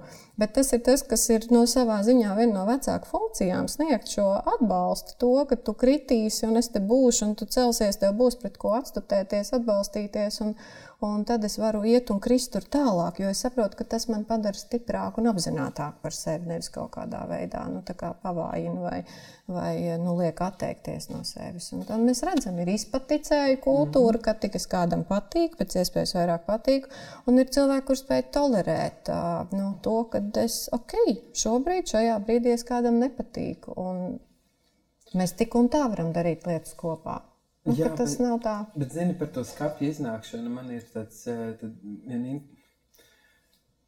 man ārkārtīgi bieži saka, piemēram, nu, ka tu, kā tu, nu, kad tu iznāc no skāpja laukā Jā. vai kā savādāk. Un tad es, es tā domāju, no vienas puses vienmēr pieminu to To brīdi, kad es pateicu mammai, Jā. bet pēc tam es sāku domāt to brīdi, kad es pēdējo reizi iznācu no skāpja. Ja, jo saproti, piemēram, ja tu esi LGBT kopienā, ja, tad tev tas process īstenībā, ja tu neesi skapīgi tā mm. dziļi, ja tu esi at, plus mīnus atvērts vai pilnībā mm. atvērts, tev tā iznākšana no skapja diezgan regulāri ir. Mm. Ja, es eju, es eju sāku strādāt jaunā, uh, jaunā darba vietā, ja, un tu kaut ko tur šurpa turpa runāji, ja, un tad kāds man, piemēram, paprasa, vai tev ir, piemēram, draudzene?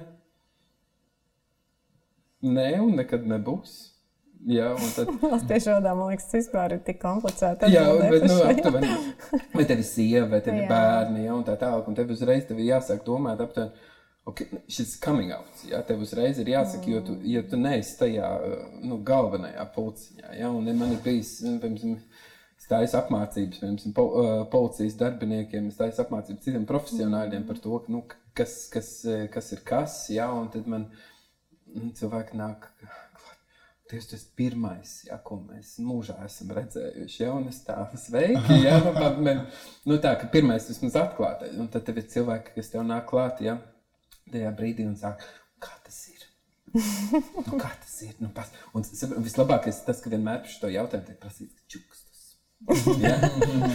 jo nedod Dievs, ka kāds kaut ko dzirdēs. Ja? Un tad, nu, un, un tā kā, nu, tas, eh, tā, tas ir tas nu, fascinējošais mm. elements. Ja? Jo man ļoti patīk. Es, uh, pirms policijas apmācībās, ja, kad man pienāk vienkārši policijas darbinieks, klāt, viņš ir, kā tas ir mīlēt, nu, tā paša mm. cilvēka.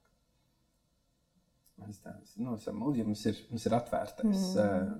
Mums ir atvērta drošā vide, ja, kur tu vari uzdot pilnīgi jebkuru Jā. jautājumu. Man pilnīgi jebkuru. Ja, nu, tic, man, ja tu man uzdos tādu jautājumu, ko es nekad neesmu dzirdējis, ja es tādu zelta medaļu ja, pēc principa. Un tad viņa prasa, nu, kā tas ir. Nu, es, nu, piemēram, nu, tā kā jūs iemīlējāties pirmo reizi. Mm. Jā, jā nu, kā tas bija? Nu, tev tā kā mm. tauriņa bija, jā, tā kā bija tāds nemieris, tā bija tāds satraukums. Nu, jā. Es saku, Tāpat tās. no kurienes tad es šito visu zināšu? Un tu pēkšņi redzi, ka vienkārši mm. cilvēkam nokrīt akmens no, no pleciem. Ja, pēkšņi ir uzzinājis, kā tas varētu būt. Ja? Vai, vai tas bija savukārt, vai tur var būt otrs elements, ja, ka es visu laiku gribēju apstiprinājumu, ja, ka tas tiešām ir tā, ja, ka es iespējams esmu jūties pareizi. Ja, tas, tā, tā, tas ir tas. Uh, interesanti. Un ne visi cilvēki, piemēram, runājot piemēram, par tām slēgtām vietām, kas ir vajadzīgas, nu, viņas nav tik slēgtas. Jā, piemēram, mm. geju klubos eh, gandrīz, gandrīz visos. Jā, ir, nu, viss ir welcome. Jā, bet, eh, bet tā ir tā vieta, kur tev tas nav jādara konstanti. Jā, mm. un tev, nevi, nu, tev vairāk nav jāslēpjas vai nu, kā savādāk. Un tas ir tā, ir tā, tā vienīgā drošības eh, vieta. Ja? Un, un ir cilvēki, kas nav gatavi. Nu, tāpat mēs, piemēram, sakām, ja, ka ir, ir kopienām cilvēki, kas saka, ka regulāri ir jānāk ārā no skāpja, ja, ka cilvēkiem ir jāsaka. Bet ne, ne katrs mēs esam gatavi to vienā brīdī izdarīt. Ja? Un tad mēs, ja mēs sakām, ka tev tas un tas ir jāizdara, ja, tad mēs tad mēs liekam papildus sociālo spriedzi mm. cilvēkam. Ja, jo cilvēkam visu dzīvi būs ja, jādomā, kad es varēšu īstenībā, kad būs pareizais brīdis, kad mm. es iznākšu ārā no skāpja. Tā vietā, piemēram, nu, kā arī šeit, ja, ja tu stāsti par tu to tā. Mēs to normāli tā ievirzam iekšā, ka tas ir pavisam dabīgi. Ja, mm. Sākt pēkšņi runāt par vienu vai otru lietu. Ja, nu, nu, man, piemēram, darba vietā, labi, viņi visi zināja, ka es esmu gejs no pirmās dienas, kad es tur ienācu. Ja. Uh, Bet, eh, bet ir kādi jauni darbinieki, ja, kas kaut ko tur stāsta. Un tad, eh, un es, protams, esmu ārkārtīgi brīvs par visām lietām. Ja, un tad ir tā, kas? Tu esi gejs? Es tā, jā, ka tu to nezināji vai kaut kā savādāk. Un tad, protams, ienāk iekšā. Mēs ierēcam ar visiem mm. kolēģiem par, šit, eh, par to visu. Ja. Mēs, es, kā es saku, man bija coming out, ja, un man ir viena, kas ir šarpa kolēģi, ja, uz ko viņi saka, akla vai ja, tā tālāk. Nu, tā kā, tur ir, tas ir galvenais atrast arī tādu drošu vidi. Ja, jo es aizēju uz savu darba vietu, es jūtos pilnībā droši ja, par visu. Nu, man tur ne, nevajag satraukties par to, ka kāds būs uber konservatīvs vai kādam kaut kas var nepatikt. Ja, bet bet nu, ir cilvēki, kas nav gatavi. Viņiem ir bailes no atraidījuma. Viņam bailes, un tas arī ir flirta lieta. Kāpēc mm. ārkārtīgi daudz mēs nespēlējamies? Ja jums ir bail to, ka kāds mums nespēlēs pretī vai kāds mums atraidīs, Es nepatikšu ir... kārtējo reizi, jau ka es nepatikšu. Un gals būs klāt, jo es kādam nepatīku. Nā, zēnā vienkārši nu, tas ir. Jā, bet... viens pats uz postu, un es zinu, pelnu. bet īstenībā nav tā, jā, jo tev šķiet, ka tu neviens ar tevi negrib spēlēties, bet īstenībā tu neesi apskatījies apkārt 360. Jā. Un aiz tevis īstenībā aiz tevis speciāli sēž kāds, jā, kurš arī ar tevi gribētu spēlēties. Jā, un to es arī to es eh, ļoti bieži arī saviem draugiem saku vienkārši nu, spēlējies. Ja? Tas tā ir tā, tā, ir tā uh, foršā, foršā lieta, un tāpēc, piemēram, nu, arī mozaīkā tā ir tā droša vide. Ja? Piemēram, praids tā ir droša vide, ja? kur tu vari būt. Uh, kur tu vari būt pilnībā brīvs, ja, un tajā mm. brīdī tā spēle ir daudz vienkāršāka. Tu vari dejot, tu vari priecāties, tu vari būt tas, kas tu esi, ja, un tā ir tā drošā vide, ja, kas, kas cilvēkiem ir vajadzīga. Mēs redzam, ir valstis, kurās, kurās viss saplūst kopā, Ja, un tev nav jāstraucās, piemēram, tur nav mazāk geju klubu, ir, ja, un tad cilvēki var iepazīties, piemēram, Stokholmā. Ja, saka, es, es neesmu to piedzīvojis, bet nu, cilvēki runā, ka tev ne, nav vairāk tur tik daudz nodalītu, piemēram, klubu šurpa, šurpa vai turpi, ja, un tad tu vari iepazīties vienkārši bārā. Vai esam mierā, un nebūs, na, nebūs spark, nebūs spark. Bet no otras puses, es, es vienmēr esmu, es vienmēr, es vienmēr esmu par to, ka, piemēram, saglabāt noslēgtās vidas. Mm. Jo vismaz viena vai divas. Ja? Jo mēs, jo, piemēram, arī tas, kas, par ko mēs bieži aizmirstam, piemēram, geju kopiena, jeb geju kultūra, LGBT kultūra, tas ir sava veida kultūras mantojums arī. Jo tā ir tā lieta, ko cilvēki, ko cilvēki brīžiem neapzinās. Jo LGBT vide ir tā vieta, kur, piemēram, tagad drag kultūra, ja? drag queens, drag kings. Kur tas viss radās? Tas viss radās uh, praktiski, nu, tas nostiprinājās geju klubos, ja, kur mm. viss tika parādīts. Tā, tālāk. Tagad tas ir kļuvis par mainstream. Ja? Mēs ieslēdzam Netflix, ja? un cik mums ir? Mums ir 12 sezonas RuPaul Drag Race, ja?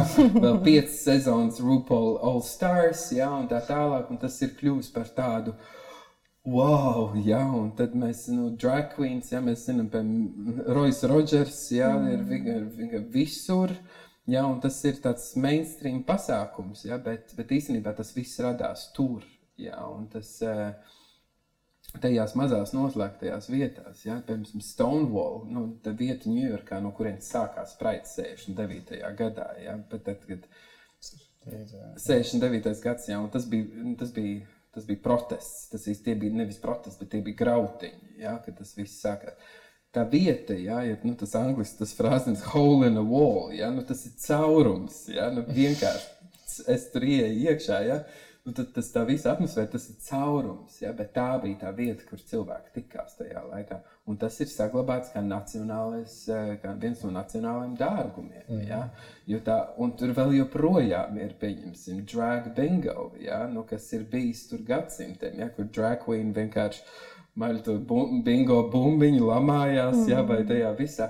Un tas ir jāsaglabā, jo vismaz kaut kādā daļā, jā, tā ir tā vide, kur, eh, kas ir tikai un vienīgi īpaša. Jā, bet, eh, jā, jā, bet man vienmēr ir jautājums par kādu cenu, jo tas ir tas cilvēktiesību mm. jautājums, kas uzreiz līdz ar to paceļās, jo būtībā jau vēsturē ir jāsaglabājas vēstures grāmatu lapas pusēs, nevis cilvēku reālajās jā. dzīvēs, jo viņi tad uztur fenomenus, kur ir mentāli un, un fiziski novecojuši un attīsta nu, kādam, piemēram, joprojām, mm, kā lai saka, nebruģē to ceļu uz atvērtu, nu, atvērtu tādu pieņemošu realitāti, kas man liekas, piemēram, par tiem pašiem skandināviem domājot. Uh, Mm, par seksuālo izglītību, kur, kura jau sākās ļoti, ļoti agrīnā no mhm. tai vecumā, un kad iet ar vien vairāk, nu, cik man liekas, tas savā ziņā tomēr ir simpātiski, ka tiek iets prom arī, piemēram, no šīm īpašajām vajadzībām, īpašajām identitātēm, kad parāda man cilvēku, kuram nav kāda īpaša vajadzība, vai viņam ar identitāti viss ir tik ārkārtīgi ok, mm -hmm. ka, mhm. nu,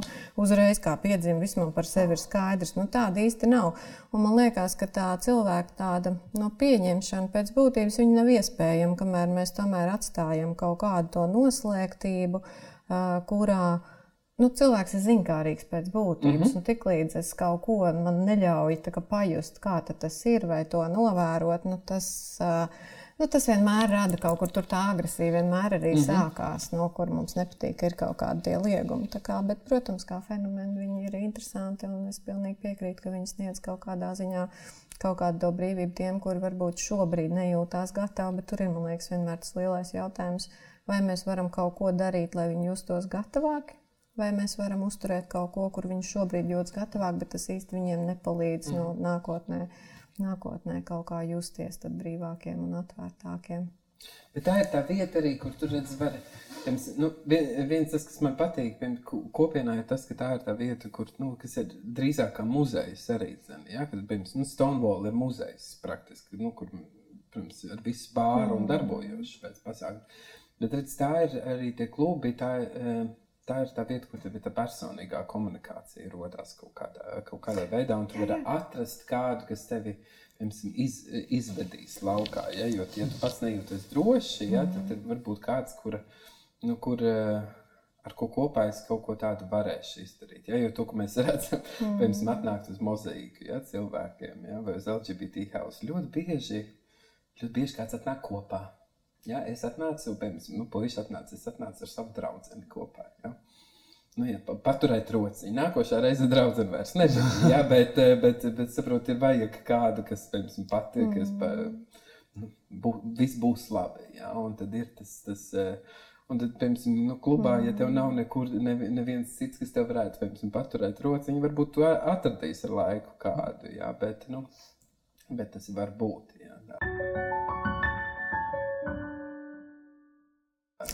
Bet klubu kultūra, man liekas, vispār ļoti interesanti un stigmatizējoša. Man liekas, arī nu, jā, tur pat jā, nemaz jā. nav jārunā obligāti par, par kaut kāda veida ar seksualitāti saistītiem nu, jautājumiem, kas mm. vienkārši ir, tu neiedaries šajā konceptā, tu paliec aiz durvīm, sorry. jā, ir, jā, jā, jā. nu, ir tā ņēma, ka tā, ne, ne visur tu būsi gaidīts pēc būtības.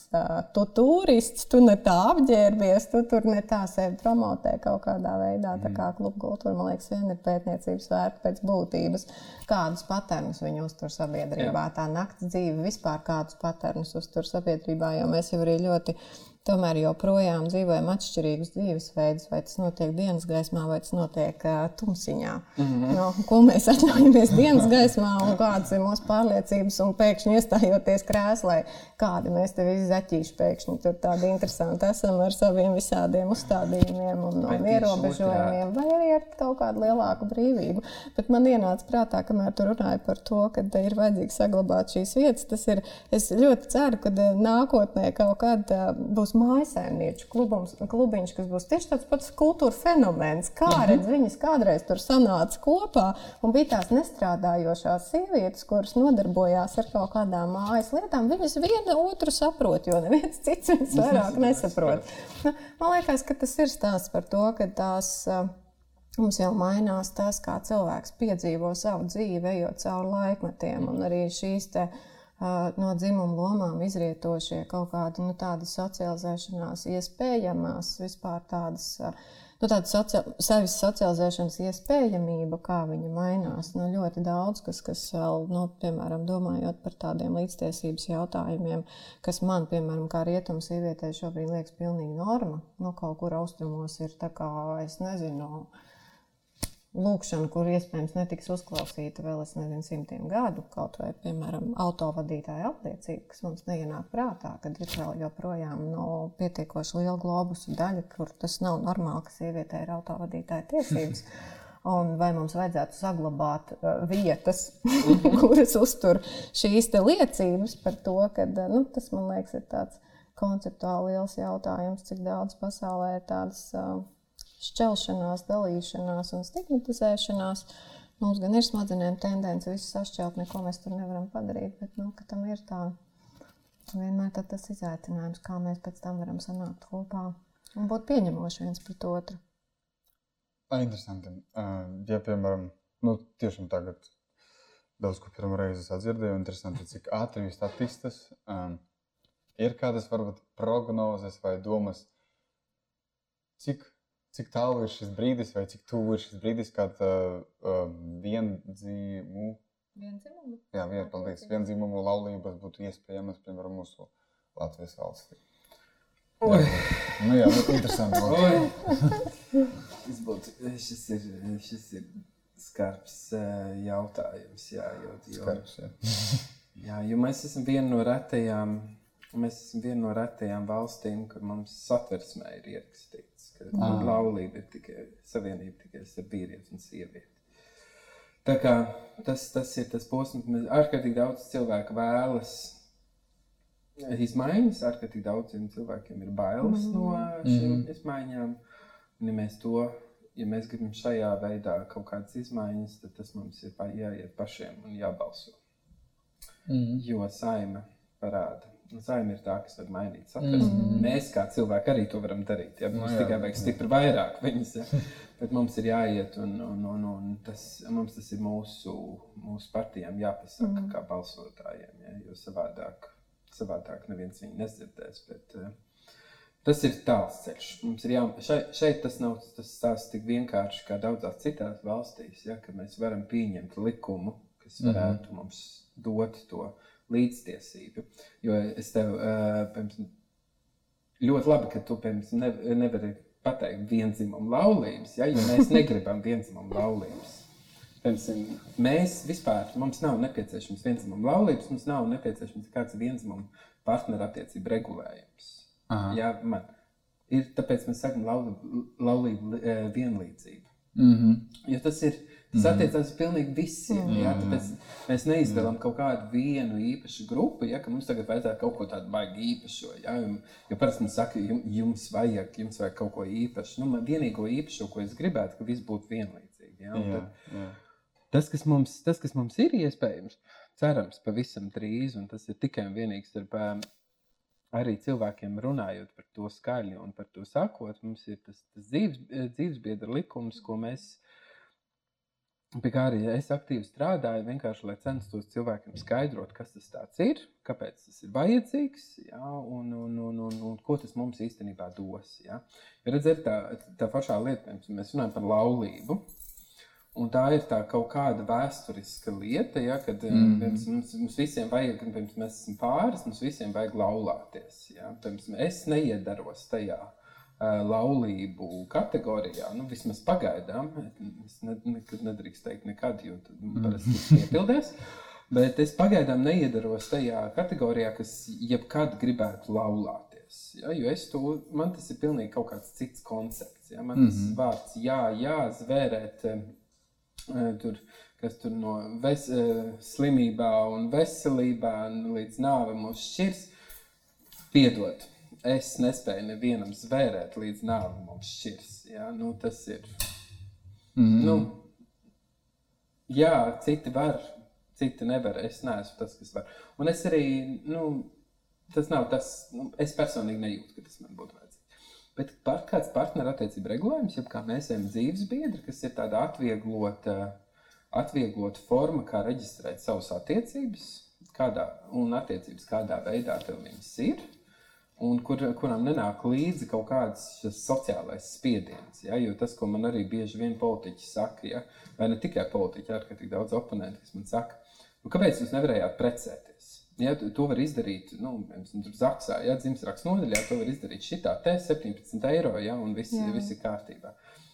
Saka, jā, jā, bet nu, jums visiem ir to viegli izdarīt, ja, un tie ir nu, vienai daļai, kas to nekad nav darījuši, ja, to ļoti viegli izdarīt, un tie, kas ir izdarījuši, to es teicu, ah, un tad jūs noslēdzāt tā vienkārši, jūs aizgājāt uz dzimšanas nodaļu, nē, mums bija liels kāds, vai mums bija kāds, Bet tas jau ir tas sociālais spiediens. Mm. Ja? Tu, es, gribēju, mm. es zinu pāris cilvēkus, kas ir aizgājuši uz mm. dzimšanas nodaļu ja?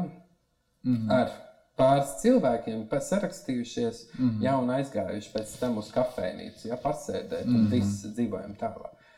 Bet beig beigās tev būs atkal jāsaka saviem draugiem, kad redzēji, mani parādījies gredzens uz pirksta vai kaut kā tāda. Un tev ir tas kāpēc man nav, nu, iedomājieties, tu vēl esi tādā tuvākā, kāpēc man nav uzaicināja, un nedod Dievs, tev vēl ir tāds plašāks radu pulciņš, ja, ka tur aizies, vai šitas te, ak, te mani, te es kaut kas ne tāds, ja, ka mani neuzaicina. Sociālais spiediens, kāds mēs gribam, viņš pastāv. Te pie vārda laulība, precēties, ja tev, tev tas nav tā, ka tu to varētu izdarīt mm. ja, par 17 eiro ja, un dzīvot, dzīvot tālāk. Ja, nebūs tāda, nu, kādam būs, ja, bet vienai daļai nebūs. Un tas, ko mēs arī gribam, ir dot nelielu alternatīvu. Tas, ka tu to vari tiešām izdarīt nu, tādā žiglākā formā, ka tev nav obligāti jāapliecina kaut kādas arī tās nu, kaut kādas zvēras ja, līdz, līdz mūža beigām. Ja. Tas ir piemēram tas, kas mums ir dzīvesbiedru likumā, ko mēs zinām, tas ir dzīvesbiedra līgums.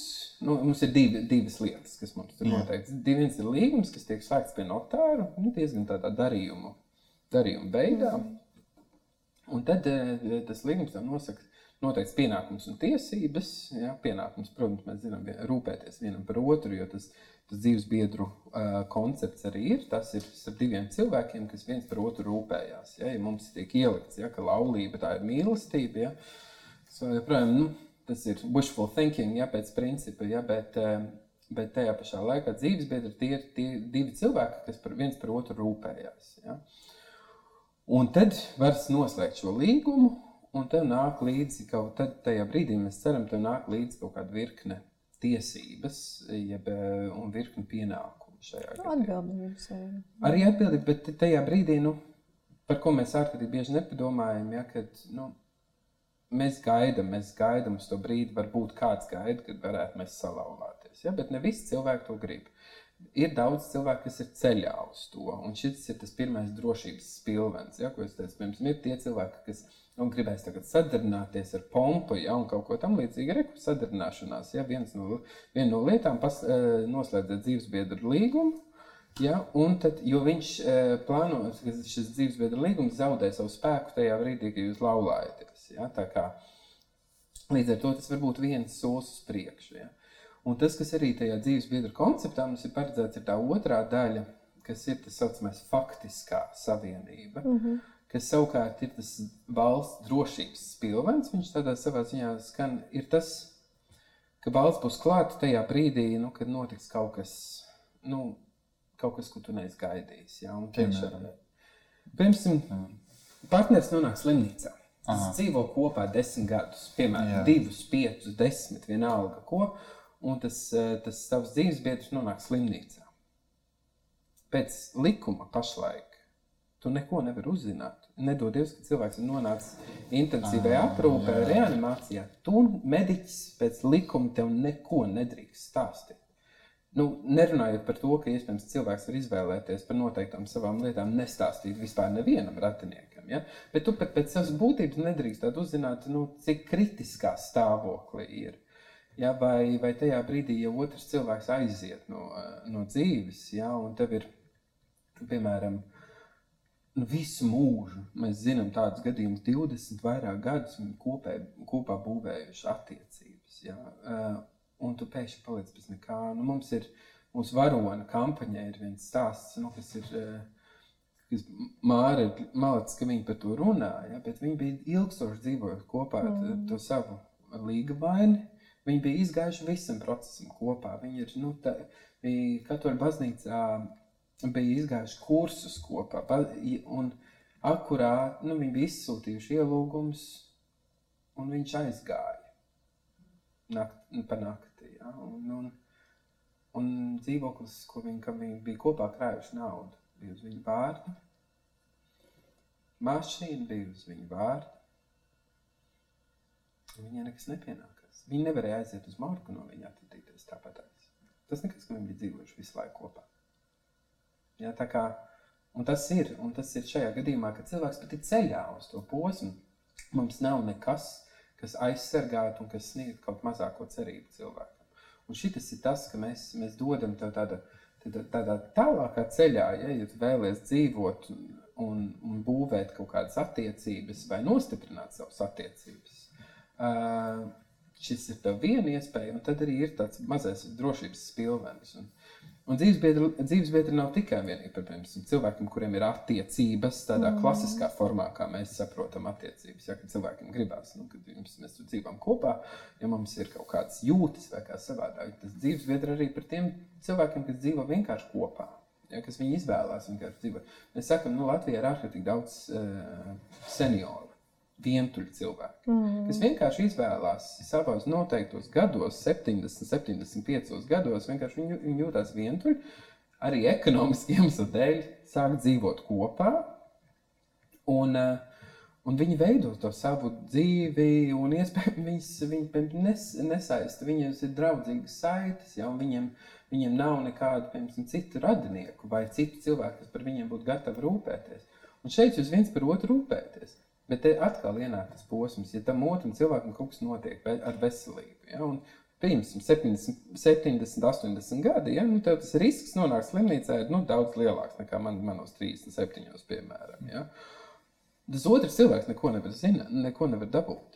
Ja? Tad, kad mums pie, pieņēma likumu, nu, tas cirks arī bija. Mums pieņēma pensiju likumā izmaiņas, ja? kad ka tu varēsi mantot savu pensiju, ja? nu, otra cilvēka pensiju, eh, pusgadu vai kaut ko tamlīdzīgu. Ja?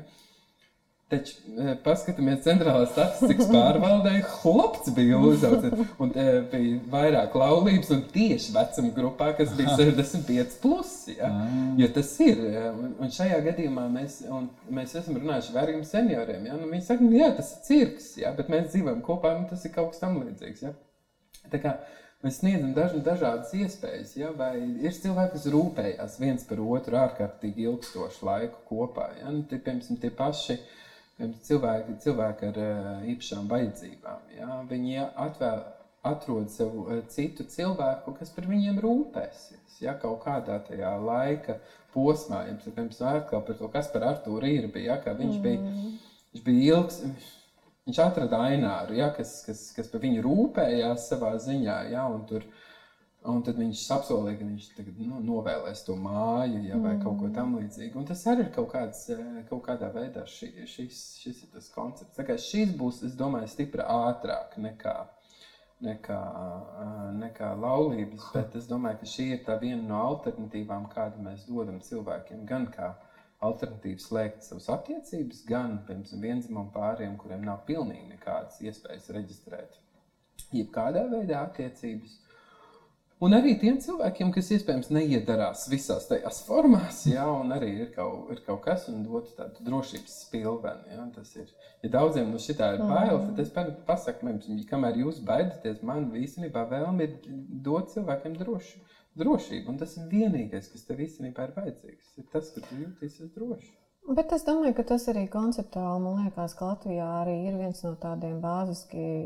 Mm, sarežģītiem jautājumiem, kas ļoti bieži ir arī vispār tāds partnerattiecību liels izaicinājums um, pašiem cilvēkiem formulēt priekš sevis, kādēļ es esmu kopā ar šo cilvēku, vai kā, kāda formāta attiecības man ir ar šo cilvēku, un kādas atbildības un iespējas viņas paredz.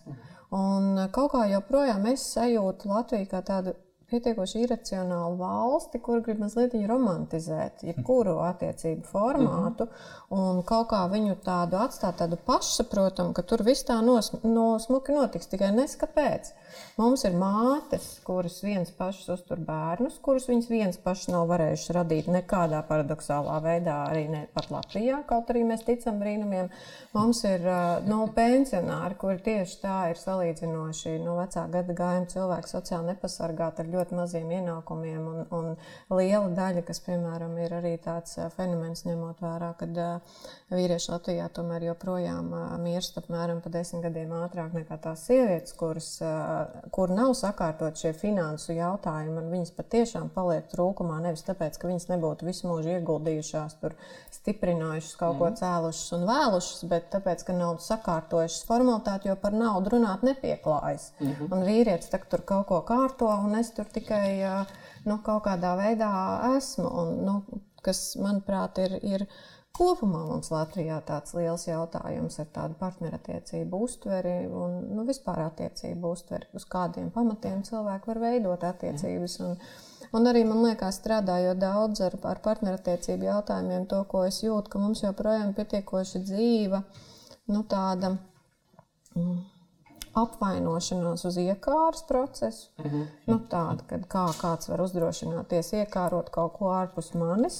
Nu, kur mēs ļoti viegli spēlējamies, piemēram, ar to pašu Svēto laulības institūciju, mm -hmm. kuru mums tajā brīdī izmetam pa logu vienkārši trīs sekundēs, tikai tāpēc, ka tur bija kaut kāds iekārs process, kurš neatbilda no mūsu kaut kādiem priekšstatiem, kā tas būs vai, vai nebūs. Tieši tāpat tās kā apvainojamies uz jūtu fenomenu, kas nav paredzams, tas nav ne brīvs gribas akts, ne vēl kaut kas, bet liekas, ka tas tagad kaut ko atrisinās. Ja mums būs tā mīlestība, tad noteikti mums būs nu, kaut kādā veidā sakārtot šī drošība savstarpējā. Un es varēšu tajā slimnīcā tikt, jo es tagad doktoram stāstīšu, kā es viņu mīlēju 20 gadu garumā, un viņš man noteikti laidīs iekšā tajā brīdī. Nu, kad ir šīs iracionālās pārliecības vai arī absolūts zināšanu trūkums, nu, ka tā ka tā iekāra vai tās jūtas kaut kādā veidā vispār ir saistītas -hmm. ar to, ka mēs kā divi pieauguši cilvēki formulējam savas attiecības, izkristalizējam kaut kādas vērtības, kuras mēs gribam pārstāvēt vai aizstāvēt, nu, vai piepildīt viņās. -hmm un mēģinam atrast sociāli kaut kādu funkcionējošu veidu, kā viņus nostabilizēt, lai mēs neesam divi vienīgie dīvaini, kuri šitam tic. Mm -hmm. nu, kas ir mm -hmm. pilnīgi loģiski, ka tad mums ir kaut kāda drošība uz to paļauties. Ja nē, tad tieši kā tur citiem ir darīšana, kā man tagad tā liekas, kad, kad man tur tas tā ir vajag sakārtots jautājums. Tā kā es domāju, ka tas būtu tāds brīnišķīgs pavērsiens arī mums kopumā tādā veidā domāšanas konstruktivitātei, ko mēs vispār sagaidām mūsdienās no, no attiecībām, jebkura forma, jebkuras formas attiecībām. Man reizēm arī liekas, ko mēs sagaidām no draudzības attiecībām. Mm. Piemēram, strādājot ar tiem partnerattiecību jautājumiem, man reizēm ļoti interesanti liekas, kā arī mēs paskatāmies vēsturiski, ir mainījusies, piemēram, tāds mūsu priekšstats vispār, mm, vai mans partners var būt man labākais draugs.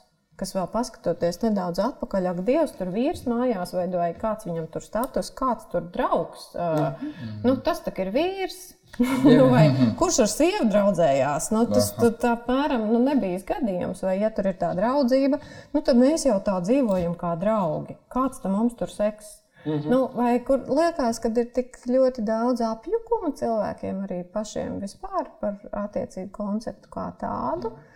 Nu, pat ja mēs reģistrējam tās attiecības, jebkādā formā, tas jau mums arī nedod nekādu konceptuālu nākotnes drošības sajūtu, ka mums nemainīsies tā tuvības sajūta, kas formulē to mūsu draudzību, vai viņa ir bijusi vai viņa nav bijusi. Jūtas noteikti tas nekādā veidā mums nenodrošinās. Neviens parakstīts papīrs mums nenodrošinās mūžīgas mīlestības jūtas. Tas tev tā šķiet. Tas tev tā šķiet, jā. Nu jā, es zinu, ka es esmu brīžiem ārkārtīgi pragmatisks. Un tieši tāpat tās kā ar to seksuālo labklājību, tam vispār nebūs nekāda sakara. Bet te, te, te ir tā lieta, man liekas, ka mums šausmīgi, mums baigās bailes runāt par, kādu, nu, par, par, par jūtām, bet tas nav tikai un vienīgi par Latviju, bet mm. par jūtām un... Laiks tāds. Uh, jā, at, nu, attiecībām vai vienalga, ko, jā. Nu, jā, man ir, man, man, man forši, man, mans um, bijušais partners man atvēra tad vispār pas, pasauli, mm. jā, jo tas man bija tāda... Uh, tādu pilnībā citu. Ja, jo man agrāk arī es dzīvoju tādā tīrā konstruktā, ja, kad nu, tas ir tā, kaut kāds kaut kas mm. pareizi ja, un tā tālāk. Un, un tad es saprotu, ka man pēdējie, pieņemsim, tur seši, mm. seši gadi. Septiņi, seši gadi ir pagājuši tādā pilnībā nu, jaunā dzīvē. Ja, jo saprotu to, ka tas man bija. Viņš, ne, viņš ir no Šveices, ja pilnīgi nu, cita mentalitāte mm. un tā tālāk. Tu saproti, kā tas ir, ka tev nograuj to posmu, ka tu vari, ka tu vari runāt par tādām lietām, ja, par, kur, par kurām citi vispār nekad nav runājuši. Ja? Vai par, runāt par lietām atklāti, par ko citi ir čukstējuši. Ja? Vai, nu, En, tu uzzini piemēram, par seksualitāti, dažādas lietas, eh, kuras tu iespējams agrāk esi tikai tā pētījis, ja, un tagad tu to vari darīt kopā ar cilvēku. Ja, un, un nevis tā, ka to pieņemsim kaut kur pakluso, ja, bet tu to vari darīt nu, openly. Ja, tā, tu, Tā kā tas ir tādas uh, lietas, ka cilvēki arī, nu, tad mēs pašā sākumā runājam par to spēlēšanos, mm. ja, ka tu vari ļauties ja, kaut kam. Nu, būs, būs, nebūs, nebūs. Ja, vai vai šit, šitā pamēģinam, vai šito, ja, vai, vai nezinu, flirtējam ar vēl kādu, ja, vai pasapņojam par kaut ko šādu, ja, nu, tad tās ir tās lietas un runāt par to visu. Mēs ārkārtīgi bieži ja, aizmirstam, nu, tā, ka mums ir vīrs, sieva, ja, un tā tālāk, un tas ārkārtīgi šausmīgi pierasts ir tas, Es, es, skatu, es tieši tagad nedēļas nogalē, es vienkārši restorānā ēdu, un tad man, nu, atkal es jau, nu, man patīk vērot cilvēku. Es skatos vienkārši, nu, tiešām laulāts pāris atnācis, ja, un viņi tā, vienkārši apsēžās, noliek šķīvi, nu, viņam nāk šķīvis, ja, un visā tajā laika posmā, lūriķis esmu vienkārši, bet, nu, Viņi man liekas, parunāja nu, tā, baigi īso laiku. Viņiem ir labi kopā bez vārdiem. Jā, jā. Tu nezini šo, ka viņiem ir labi kopā bez vārdiem. ne, bet tas saprot, un tas, ko es redzu, viņa pirms vienkārši, nu, ka katrs vienkārši viņi atnākuši, viņi pat pasēž par kaut ko tur telefonā, pēda, kaut ko tur viens otram pasaka un tā tā. Tad domāju, vēlns par āvis, jā, aptuveni, nu, kā tas ir, jo es, nu, labi, es čaģu visu no savas puses, bet man, vien, man vienmēr ir tas, Tu meklē kaut kādas pieredzes, mm. ja tu kaut ko skat, skaties, tu kaut ko dalies. Jo pat ja tu esi ilgstošu laiku bijis kopā, tu vienmēr ir, vienmēr ir tas, ka tu vari dalīties ar kaut kādiem jauniem piedzīvojumiem. Ja? Es neesmu tas cilvēks, kas varētu piemēram, būt kopā dienu dienā. Ja? Un visu laiku piedzīvo to vienu to pašu dzīvi. Ja? Man pašam arī gribās kaut kāds savs piedzīvojums, ja otram cilvēkam gribās savs piedzīvojums, un tad var nākt kopā ja? un atkal runāt par to, kas viss jums ir bijis, un domāt, ko jūs vēl tagad, piemēram, traku varētu kopā izdarīt. Ja? Jā, bet tas ir ar to nosacījumu, ka jūs esat spējīgi to saturēt. Jo, Jā. es teiktu, ka tā teoretizējot, jau tas, protams, ka brīnišķīgi skan, bet tā reālajās dzīvēs mēs jau tomēr aizmirstam. Mm, mūsu atklātība mums arī maksā kaut mm -hmm. ko. Viņi ļoti bieži ienes sāpes attiecībās. Un tā kā cilvēks ir iemācīts, ka foršas attiecības nesāp, foršas ir tās laimīgās, kur vienmēr viss ir priecīgi, smaidīgi, tad, protams, mēs neceļam uz galda topikus, kuri mums ienesīs to sēru pilno mirkli, kad ups, izrādās, ka tu kaut ko tagad gribi pamēģināt, kas galīgi nav manā ēdienkartē pieejams, un tu tagad to ies darīs ar kādu citu kaut kur, tad nāks man vēl par to stāstīt. Paldies tev!